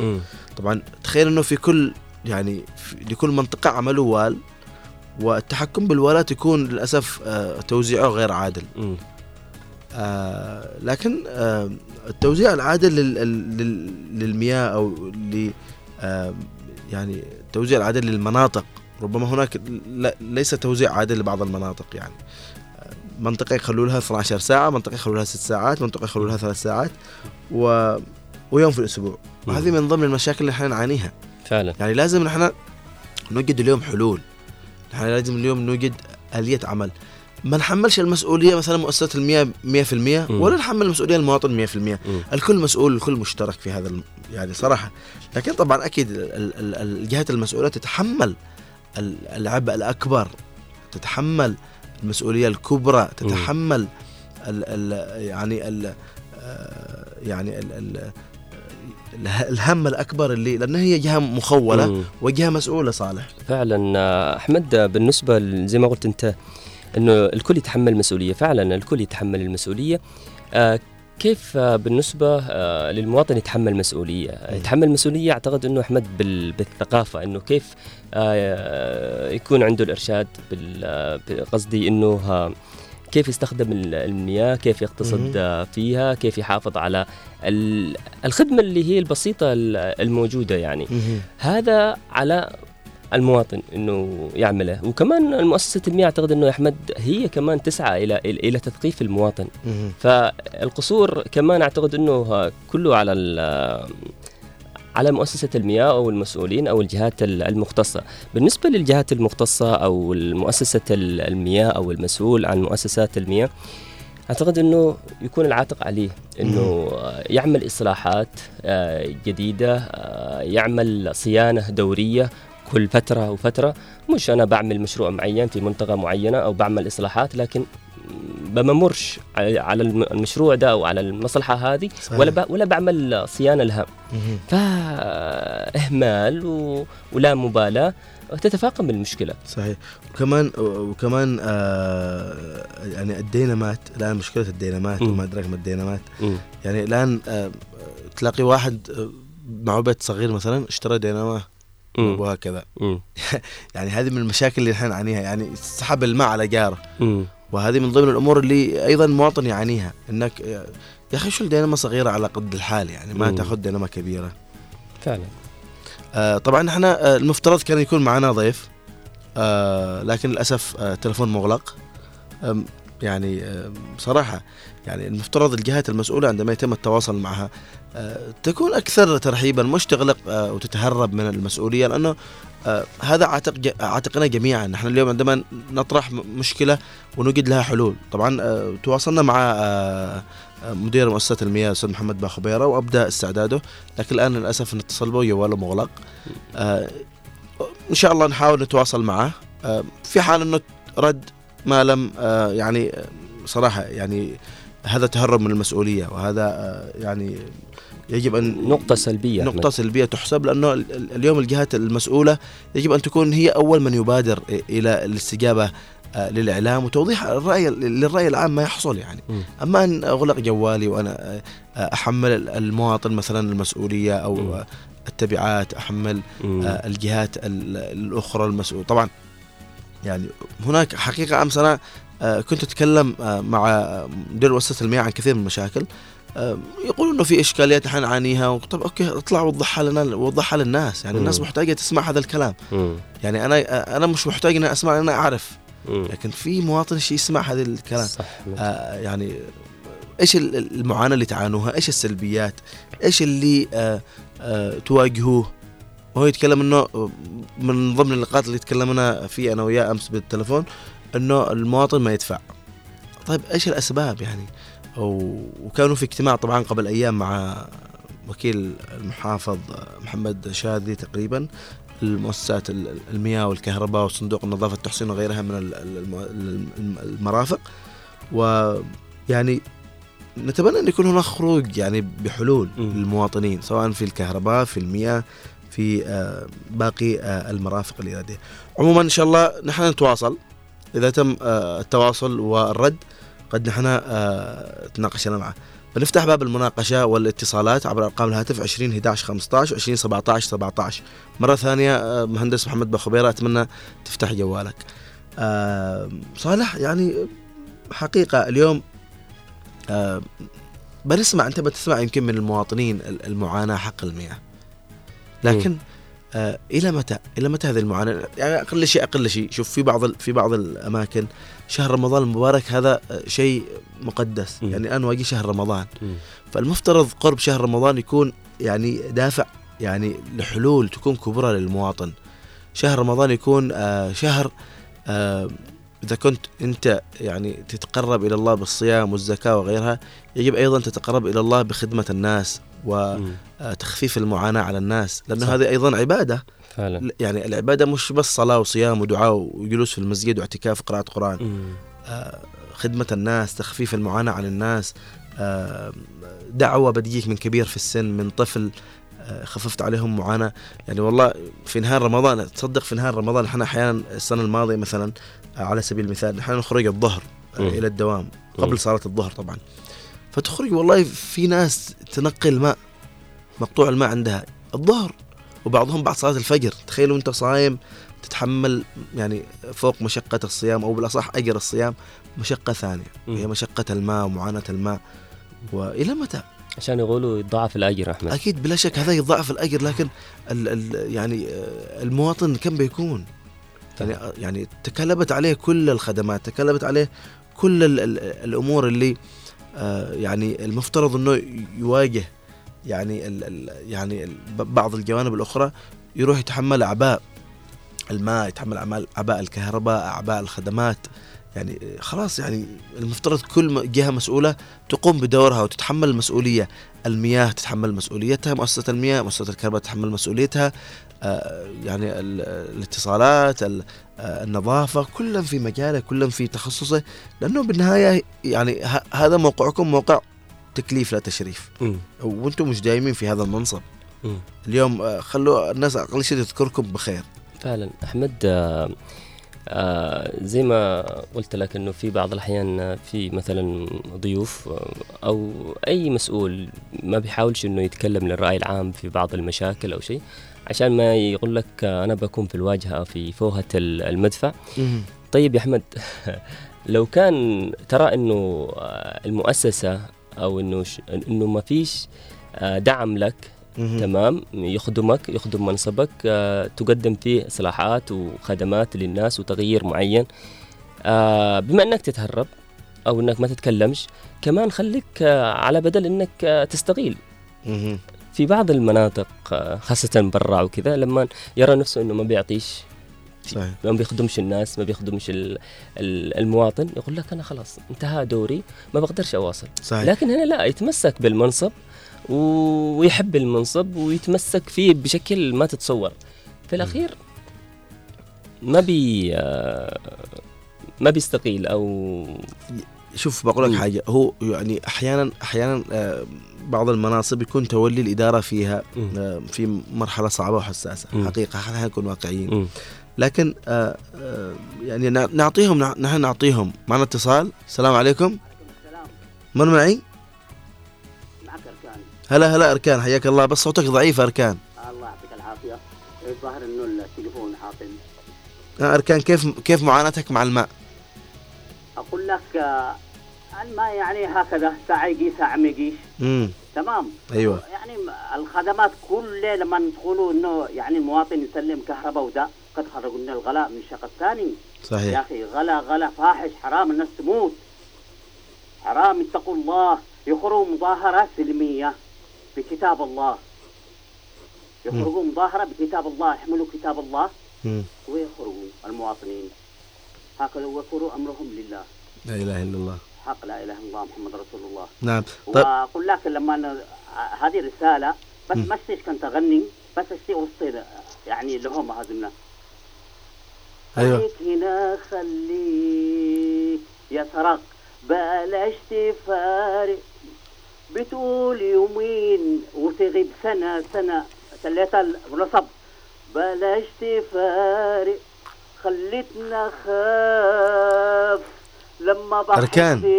بخطوتك أركان. ها؟ يعني قلبك مليان. أوه مليان. طيب طيب آه، آه، انت آه، أنت فين ساكن؟ أنا ساكن آه، في الشيخ. طيب كيف الماء عندكم؟ كل أقول لك شيخ ساعة يجي ساعة ما يجيش يعني آه، كل كم تقريبا؟ يعني آه، هكذا حق ثلاث أيام خمس مم. أيام. أها. أيوه. مشكلة وعاد و... بالدينما الحمد لله. المهم ربنا يعين إن شاء الله. شكرا لك أركان. يعطيك الله العافيه يعافيكم. مع السلامة. الله يحفظك. آه، أكيد ما فيش مي بيجي إلا بدينما لكن اللي أقصده إنه اليوم في مناطق ما يوصلهاش المي نهائيا حتى بدينما. يعني تخيل إنه تكون تسع سنوات أو ثمان سنوات ما فيش مي ويعملوا لك مشروع والمشروع هذا آه، يجيب لك خدمة الماء ساعتين بس في اليوم. إيش فائدة المشروع؟ أنا كمواطن إيش استفدت؟ يعني خسرتوا فلوس كثيرة على الفاضي. فعلا. يعني نحن اليوم والله لما نتكلم في هذا الموضوع نتكلم بحرقة والله. يعني آه، اولا إنه نحن نعاني.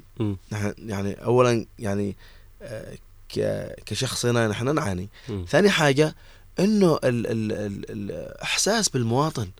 يا جماعة تخيل إنك تخرج من بيتك والله العظيم الصباح ولا العصر تشوف حرمة كبيرة في السن تعبي من الخزانات اللي موجودة في الشارع وتشيل الدبة الثقيلة هذه 20 لتر ولا 10 لتر. مم. حرام والله حرام. معنا اتصال؟ السلام عليكم. وعليكم السلام كيفك أستاذ أحمد؟ الله يحفظك الحمد لله من معي؟ معك عوض العبيدي حيا حيا عوض. حياك تحية صالح. الله يعطيك العافية. والله يعني زي ما قال صالح أنا ذكر حاجة حلوة إنه المدير بعضهم يكون متمسك بكرسيه ومتمسك بده ومش قادر يعمل حاجة. هذه المقوله كان دائما يتكلم الأستاذ نبيل نعم. نعم. الله يعطيه العافية.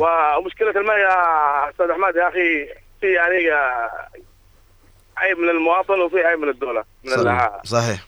يا أخي في مناطق يوصل فيها الماء يعني مستهترين جدا. حتى المباني العشوائية هذه لما بيجي يموت بيت بيت ماء تصور انه يموت بيت من أقل أقل التشجير التقطير. أهو. بيجي خفيف جدا أقل شبكة التقطير أيوه أيوه. يقول لك أنا بدل ما اشتري لفة كبيرة يعني من غالي بشتري هذا رخيص ويتسرب من كل مكان مخزن. في استهتار بالماء يا أحمد إيش أقول لك ملك طيب آه، كيف كيف معاناتك أنت مع الماء؟ أنا في كاس الله الحمد لله لا بأس. يعني كل كم يجيكم؟ يعني كهرباء طافي بي- يكون موجود. مهم. والكهرباء راسي ينقطع بس لما تلصي الشفاط يسحب. صحيح. انت انت أنت تكلمت نقطة مهمة إنه آه في استهتار. لكن آه والله صدقنا اللي يجيهم المي وما يعني آه ما بقوش يدفعوا أو ما يدفعوش مع آه يعني بالنهايه ذا شأن. وهو المفترض المواطن إنه يدفع لأنه آه زي ما يدفع للنت زي ما يدفع لباقي الحاجات لازم إنه يدفع للماء. لأنه بالنهاية كم كم عسى الله يطلع بالشهر؟ 2000 3000 5000 لكن اللي مش مشكله لكن أنا اللي أنا أقصد ال- المستهترين يعني اللي يخليه ما يهرب. صحيح يعني صحيح. بعض البيوت مصبحة وساب قريب الماء صحيح. حتى حتى حتى الناس في بعضهم مش مستهترين بعضهم يلصي الديناميت يتعبي الخزان والباقي للشارع. أيوه كثير كثير لاحظ من البيوت آه، حق الجدران مصبخه منه إي والله ربنا يعين إن شاء الله. أشكرك عوض يعطيك العافية. كل التوفيق لك عوض وبالفعل يعني ربما أحيانا آه هذا ضرر بالنهاية يعني آه ربما كل تبعات جر أخرى. معنا اتصال صباح الخير. صباح الخير والعافية. كيف حالك؟ هلا أم محمد الله يعطيك العافية. الله يسلمك. اليوم اشعة المي؟ أيوه نعم. مشكلة المي ما أدراك ما المي. بدا يا ابني؟ تشتي عدن بنية تحتية جديدة. لأن مشاريع وبدون بنية تحتية جديدة. فهم مهم. لك؟ أيوة لكن يعني ال- العمل الترقيعي هذا ما ينفعش. فهم لك؟ لأن زادت المدينة كبرت وأعطوا يعني للمشاريع الجديدة من ال- الضخ أعطوهم من ال- المشاريع القديمة فهم مم. لك؟ فهذه هنا تشتي المفروض بنية تحتية جديدة إعادة تأهيل البنية التحتية من جديد. بل- بدل ما نحن نطلب من فلان من زعطان يعني نحط هذا ده على هذا على هذا نعمل بنية تحتية جديدة فهم لك؟ طب أم أحمد هو هو تقريبا في في مشروع آه تكفلت بدء يا ابني اسمع اسمع.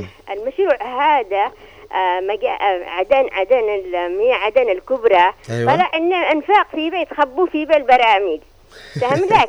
طلعت ال- ال- ال- المياه عدن الكبرى حفروا فعلوا تركوا وحصلناها بعدين تخرج من فيران لك أيوة. فنحن ما نشتيش هذا ما نشتيش هذه الأفعال. ما نشتيش نشتي ناس تفكر. من وزير المياه. مم. يعني يجيب التلفزيون الناس توجه له أسئلة. مم. يعني ال- افتهم لك. ليش. ما يجوش الوزراء بالتلفزيون نوجه لهم أسئلة مباشرة؟ نحن كمواطنين. يا سلام. فهم لك. نعم. أيوه هكذا حتى نحن ن- الواحد يجي يقول والله يا فلان الشيء الفلان شوف بقول لك يا ابني ما في زي الصراحة يا أم محمد صح؟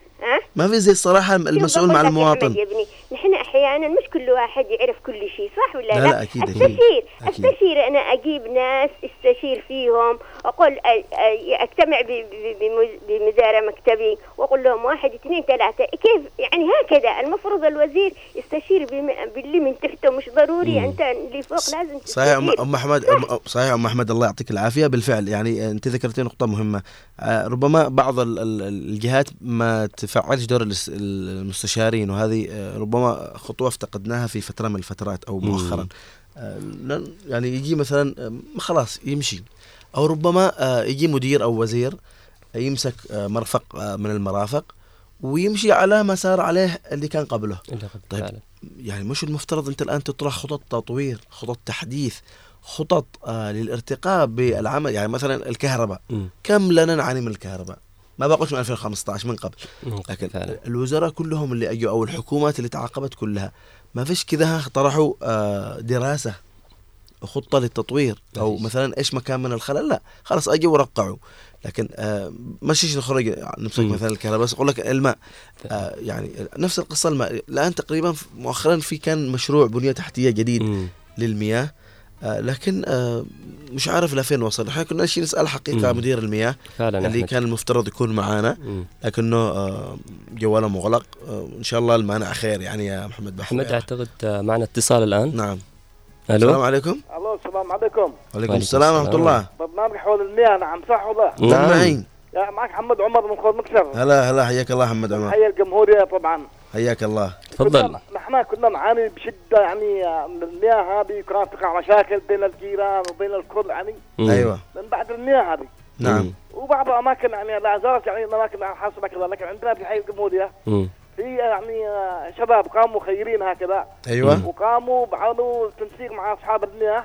ممتاز. وشفت ال- هذيك ال- الكاكات القديمة حق المياه هذه اللي تجلس في الاركان حق الرصاد حق الأماكن حق الحوافي آه، آه، قصدك أيوه أيوه الصغيرة اللي يستخدموها للإطفاء وكذا أيوه بالضبط. هذه كانت يعني مدحله ومرسجمه وما فيش يعني المي كان يجي فيها ضعيف جدا يعني. مم. وكانت مسببة كبيرة. أها. هناك فعل خير بدل يعني كامل هذه حتى عند القولة حق الضرب تشوفوا عند في حفره كبير.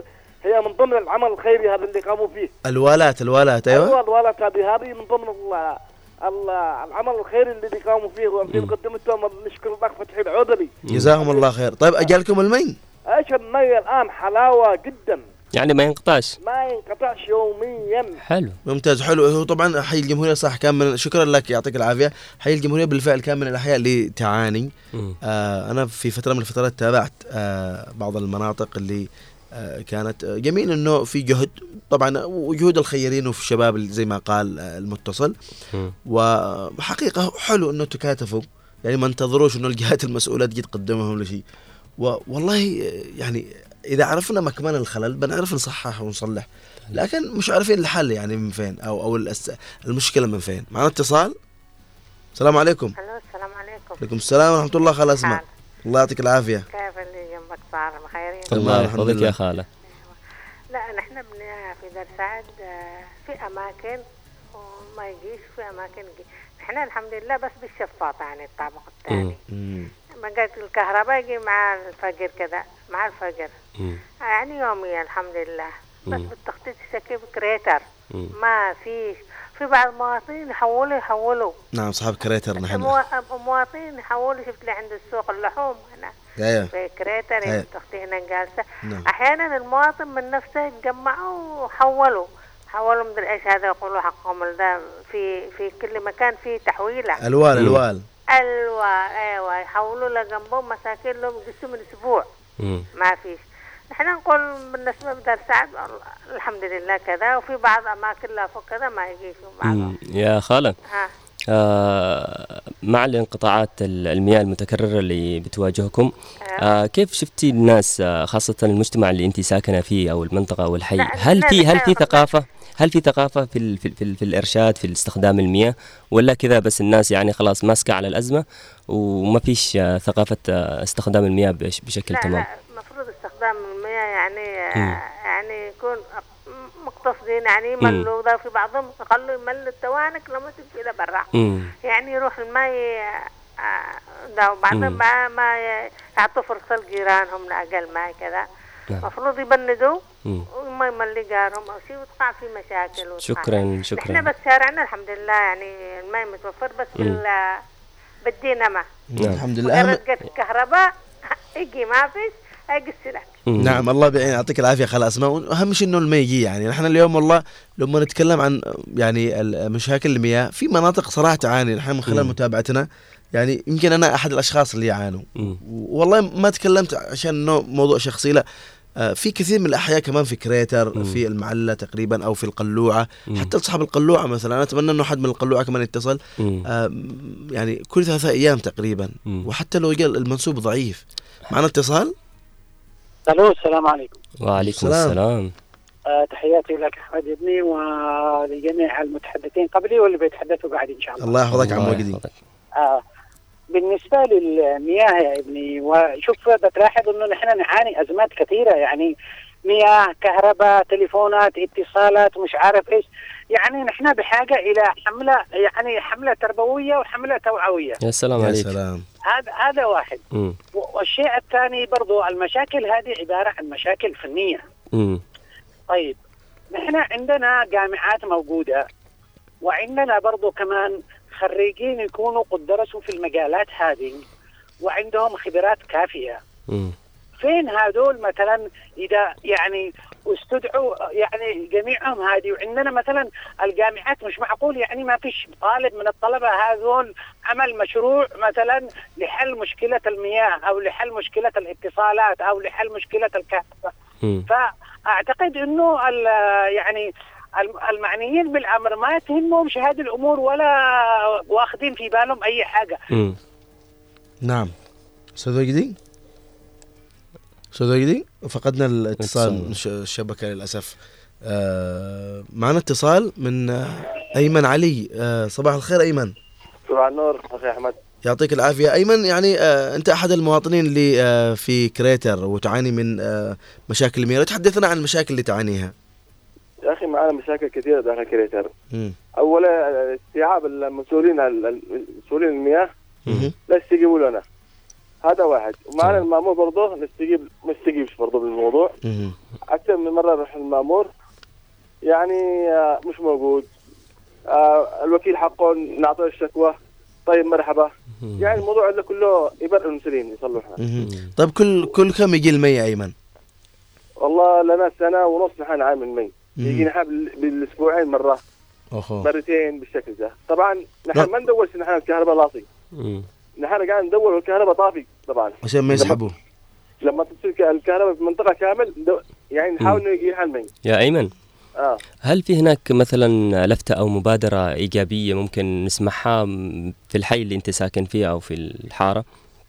نحن طالب إنه كنا طالب إنه نضخه امم لأنه أكثر أكثر مناطق ركبت مضخات امم نحن طالب مضخه بس يعني مم. بالشكل هذا عشان يجي حل مي امم لا لا أنا أقصد الموضوع يا أخي هو موضوع بسيط. امم لا بيكلفهم ولا أي حاجة. امم الموضوع عندنا نزل قبل فترة باخبيره مهم. ونزل حوالي الساعة 11 ونص عندنا.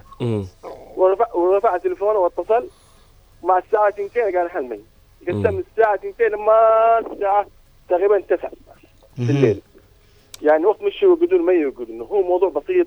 لا يكلفهم ولا شيء ميزانية ولا شيء أي حاجة. مم. الموضوع الشيء فك ال- ال- الكاكات.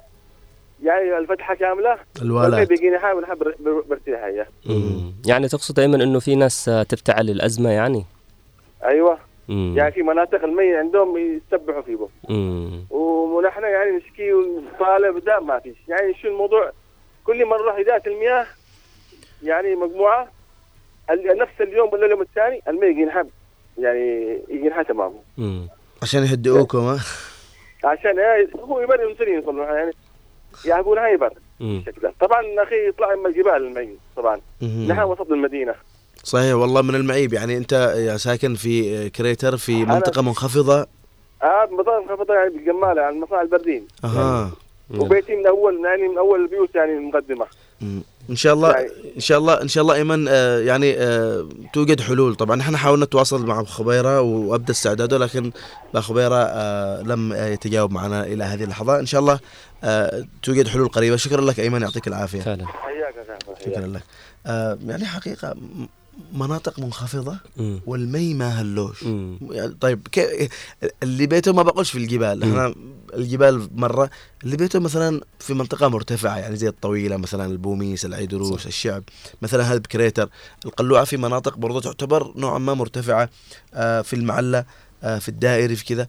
الشيخ إسحاق يعني مش عارف أنا طبعا مشاكل المياه عندهم لكن آه كيف هذول إذا كان المي ما يجي لهمش فهم أحق إنهم ما يجي لهمش المي. مم. كيف المناطق المنخفضة ما يجي لهمش عم وجدي عاود الاتصال صباح الخير مرة ثانية عم وجدي الله يحفظك. شوف قلت لك عندنا أزمة برضه الاتصالات. الازمات يعني. نعم. عموما اولا بالنسبة للشخص أو للمناطق المنخفضه أو المرتفعة كما سميتها أنت آه مثلا منطقة ال- آه، الطويلة ومنطقة العيدروس. يعني شوف المسألة مسألة فنية شوف. الخزان الرئيسي حق الماء اللي موجود في جبل حديد أيوه. اعلى من منطقة كريتر صحيح. فما يحتاج إلى مضخات اطلاقا حتى وإن كانت سحاب الطويله أو العيدروس لأنه يعني ال- الماء ينزل بطريقة الجاذبيه ما يحتاج إلى مضخة. صحيح. ففي مشكلة في مشكلة من بعد الخزان. مم. طيب آه قلت لك يعني نواصل الحديث على من قبل يعني الذي كنا نتكلم عليه بأنه قلت لك في يبني جامعات عندنا وفي طلبة أكيد بيكونوا عملوا مشاريع وناقشوها حول أزمة المياه أو أزمة الكهرباء أو أزمة الاتصالات. ليش ما ما, ما يحصلش التنسيق ما بين ال- الجامعة وما بين آه، المؤسسة العامة للمياه أو المؤسسة العامة للكهرباء أو المؤسسة العامة للاتصالات. لكن الذي يلاحظ إنه نحن نعتمد يعني بشكل متواصل وكامل على الإعانات وعلى إنه منظمة بتتحمل هذا المشروع وبتعمل من دري إيش صحيح. نحن ما نقدرش. نعتمد على أنفسنا يعني فعلا يا أستاذ وجدي تفضل تعرف إيش مشكلتنا نحن؟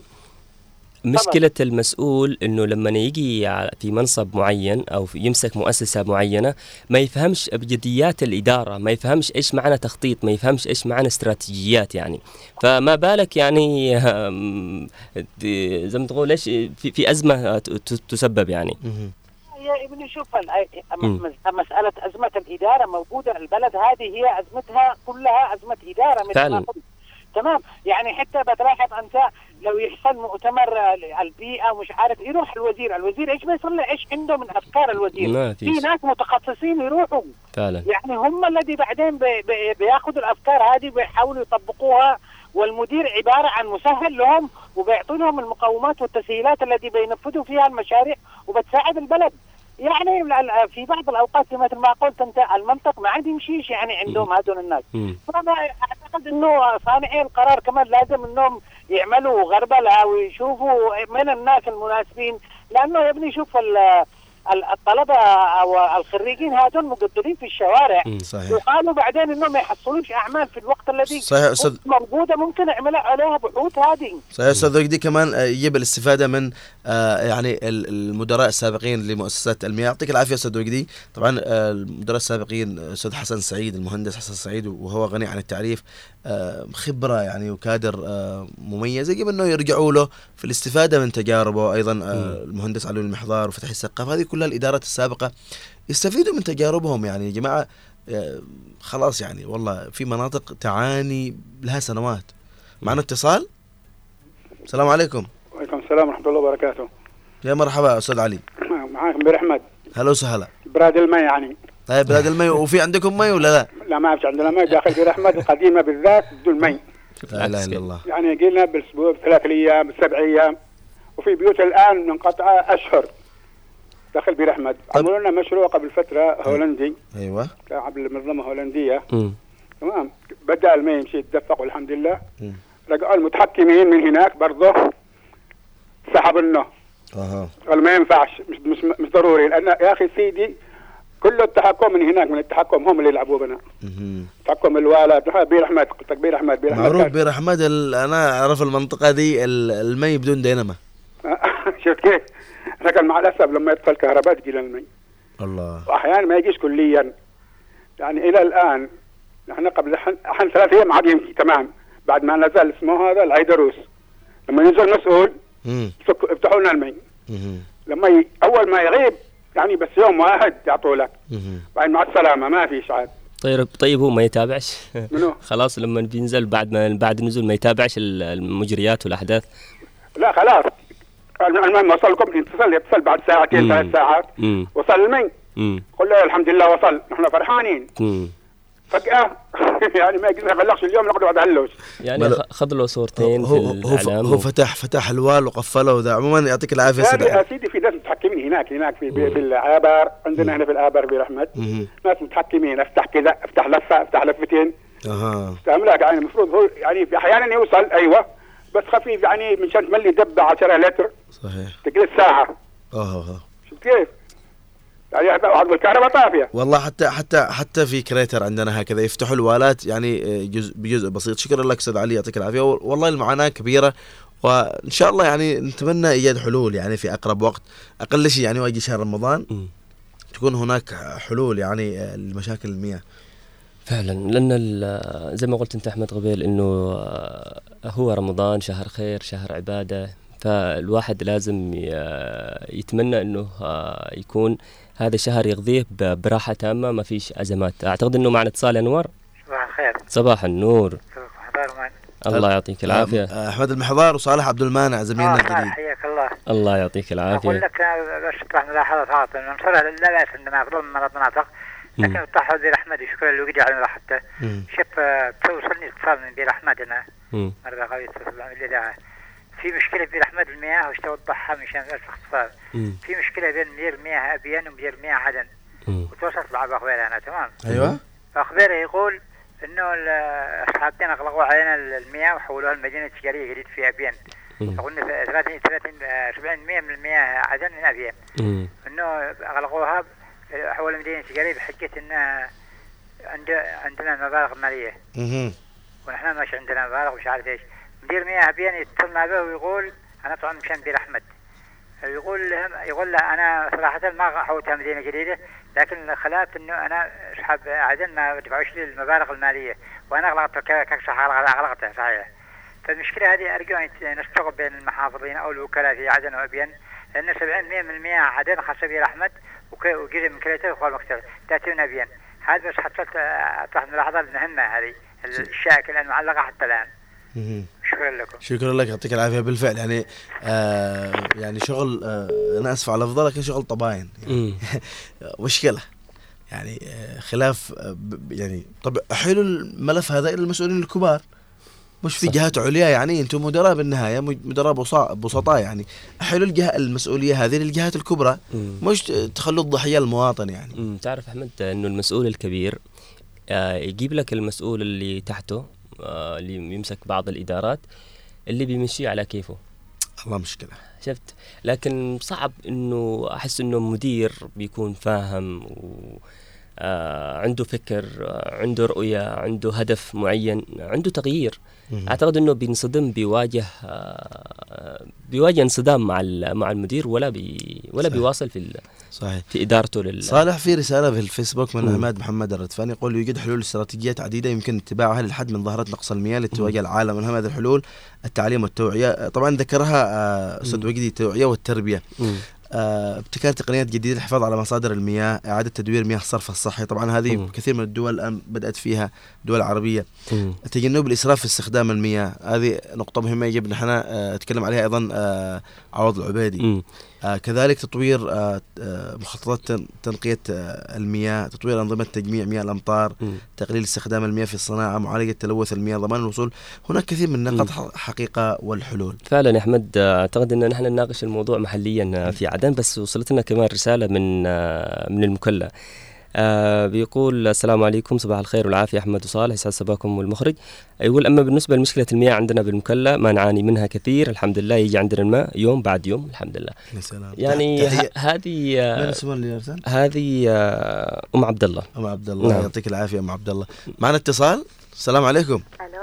يا مرحبا. صباح الخير. مساء الخير والعافية. صباح الخير والعافية. يسعد صباحك أحمد. الله يحفظك أستاذة منى. بعدك بعدك يا أستاذ أحمد نحن الله يعطيك العافية شوف معك جمهور يا أحمد لا أنا أنا متعود مساء الخير أصلا نحن جمهور أحمد وتحية لك الله يسعدك يحفظكم. أستاذة تحية لك يا صالح الله يسلمك. نوار كل من يسمعكم الله. يسلمك أستاذة منى كيف المي معك؟ والله شوف نحن في حينا في عمارة عمارة لا بأس وعمارة عمارة لا يعني مم. لأنه يجي لها هذه من المكان الفلاني وهذه يجي لها من المكان العلاني. برغم إن إحنا حي واحد يعني. إيش من المديريه آه، أنا بالمنصورة آه. في حي ودي حداد مم. بس يا أستاذ أحمد ويا صالح. أنا بقول لكم حاجة جدا العشوائية لعبت دور في في في, في إنه يحصل مثل هذه المشاكل أو تتفاقم هذه المشكلة حق المياه العشوائية المفرطة في البنايات في عدم وجود الدراسة الصح لترتيب أمور المديريات وأعطاء كل مديرية حقها في في في المياه. التوزيع الصح يعني. وجود العشوائية كمان زي ما ذكرتوا إنه كل مسؤول يعني ما شاء الله يعمل لنفسه مكان لنفسه ده بيبني ده بيفعل ده بي. حفر الآبار برضه بالشكل العشوائي خلت إنه هذا يسحب وهذا يسحب. مع إن نحن عدن يعني آه، منطقة بركانية وكثير من الناس ال- الدارسين أو العالمين بهذه الأمور.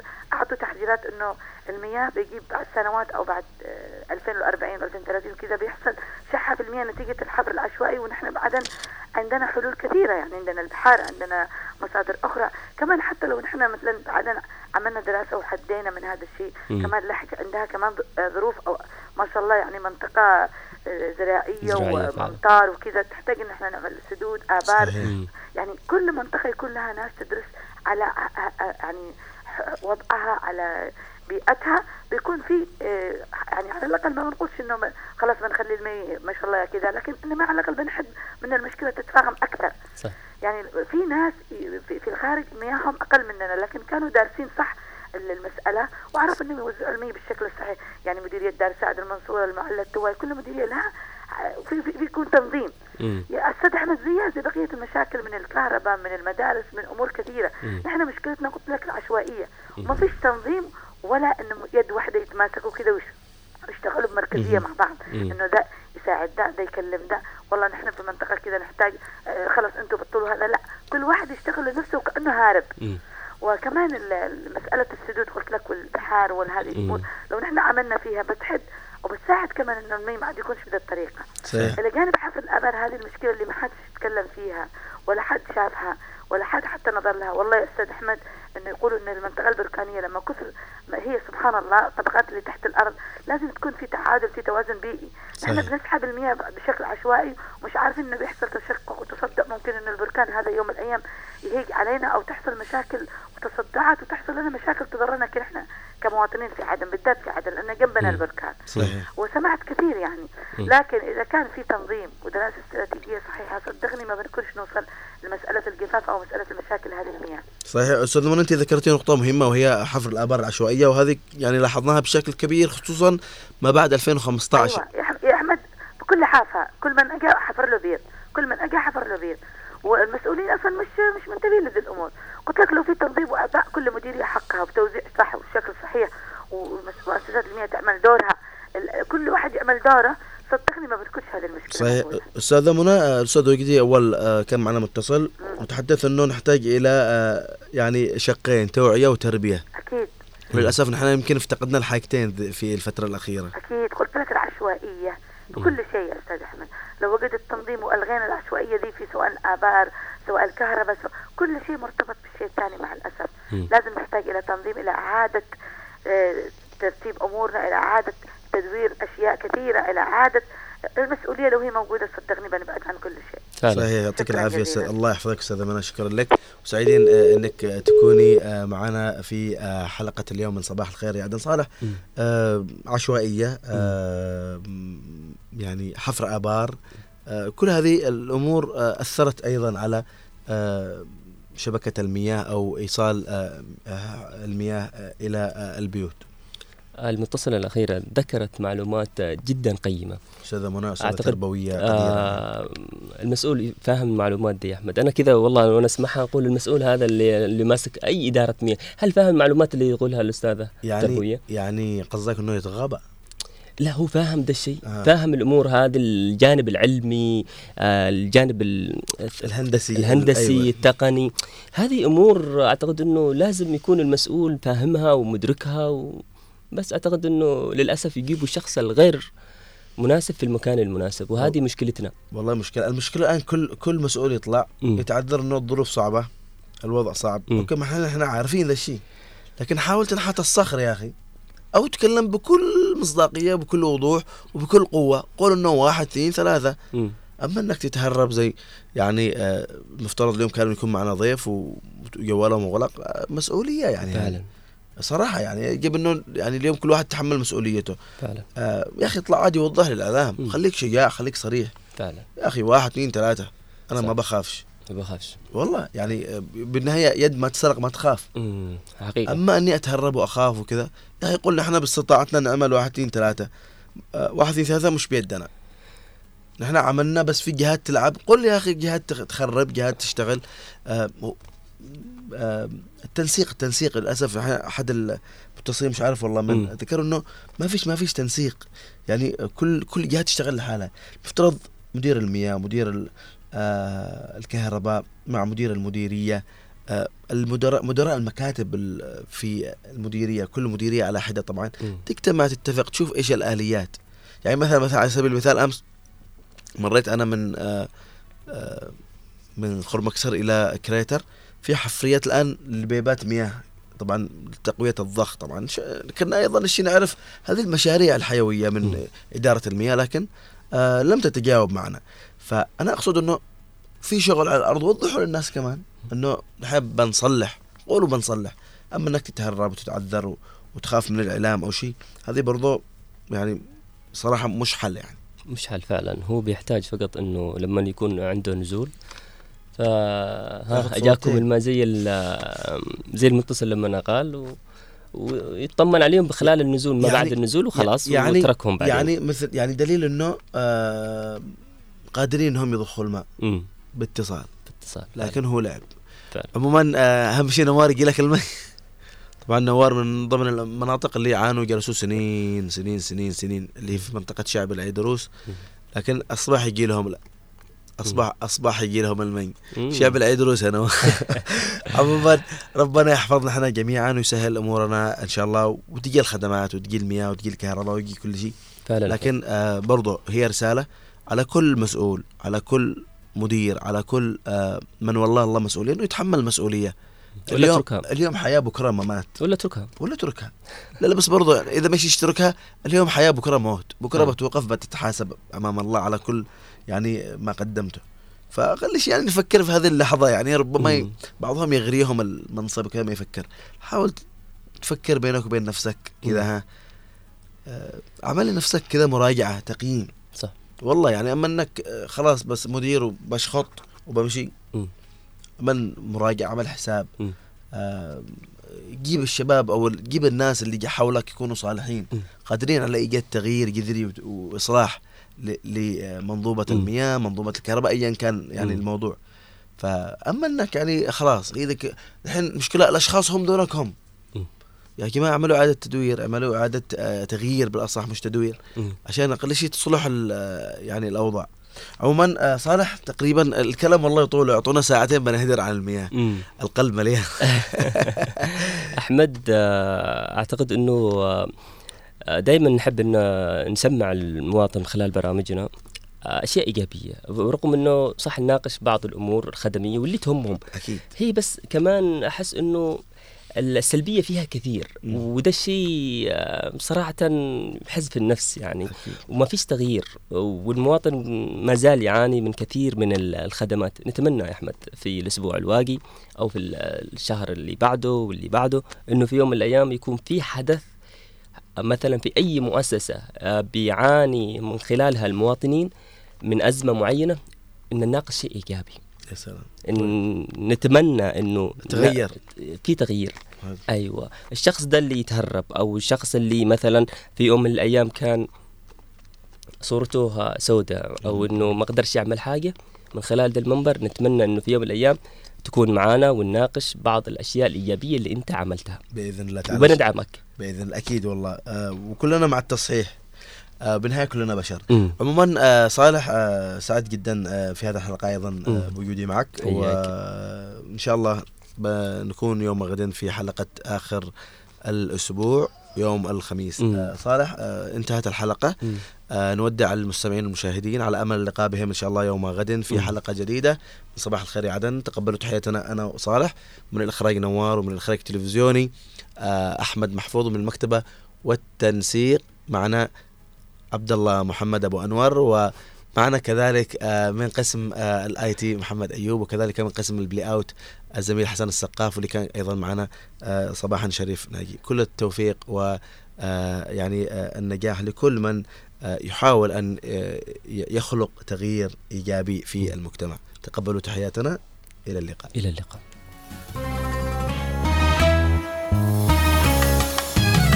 يا حبيبي سعد صباح. الصباح نور وبهاء. يا حبيبي سعد صباح. الصباح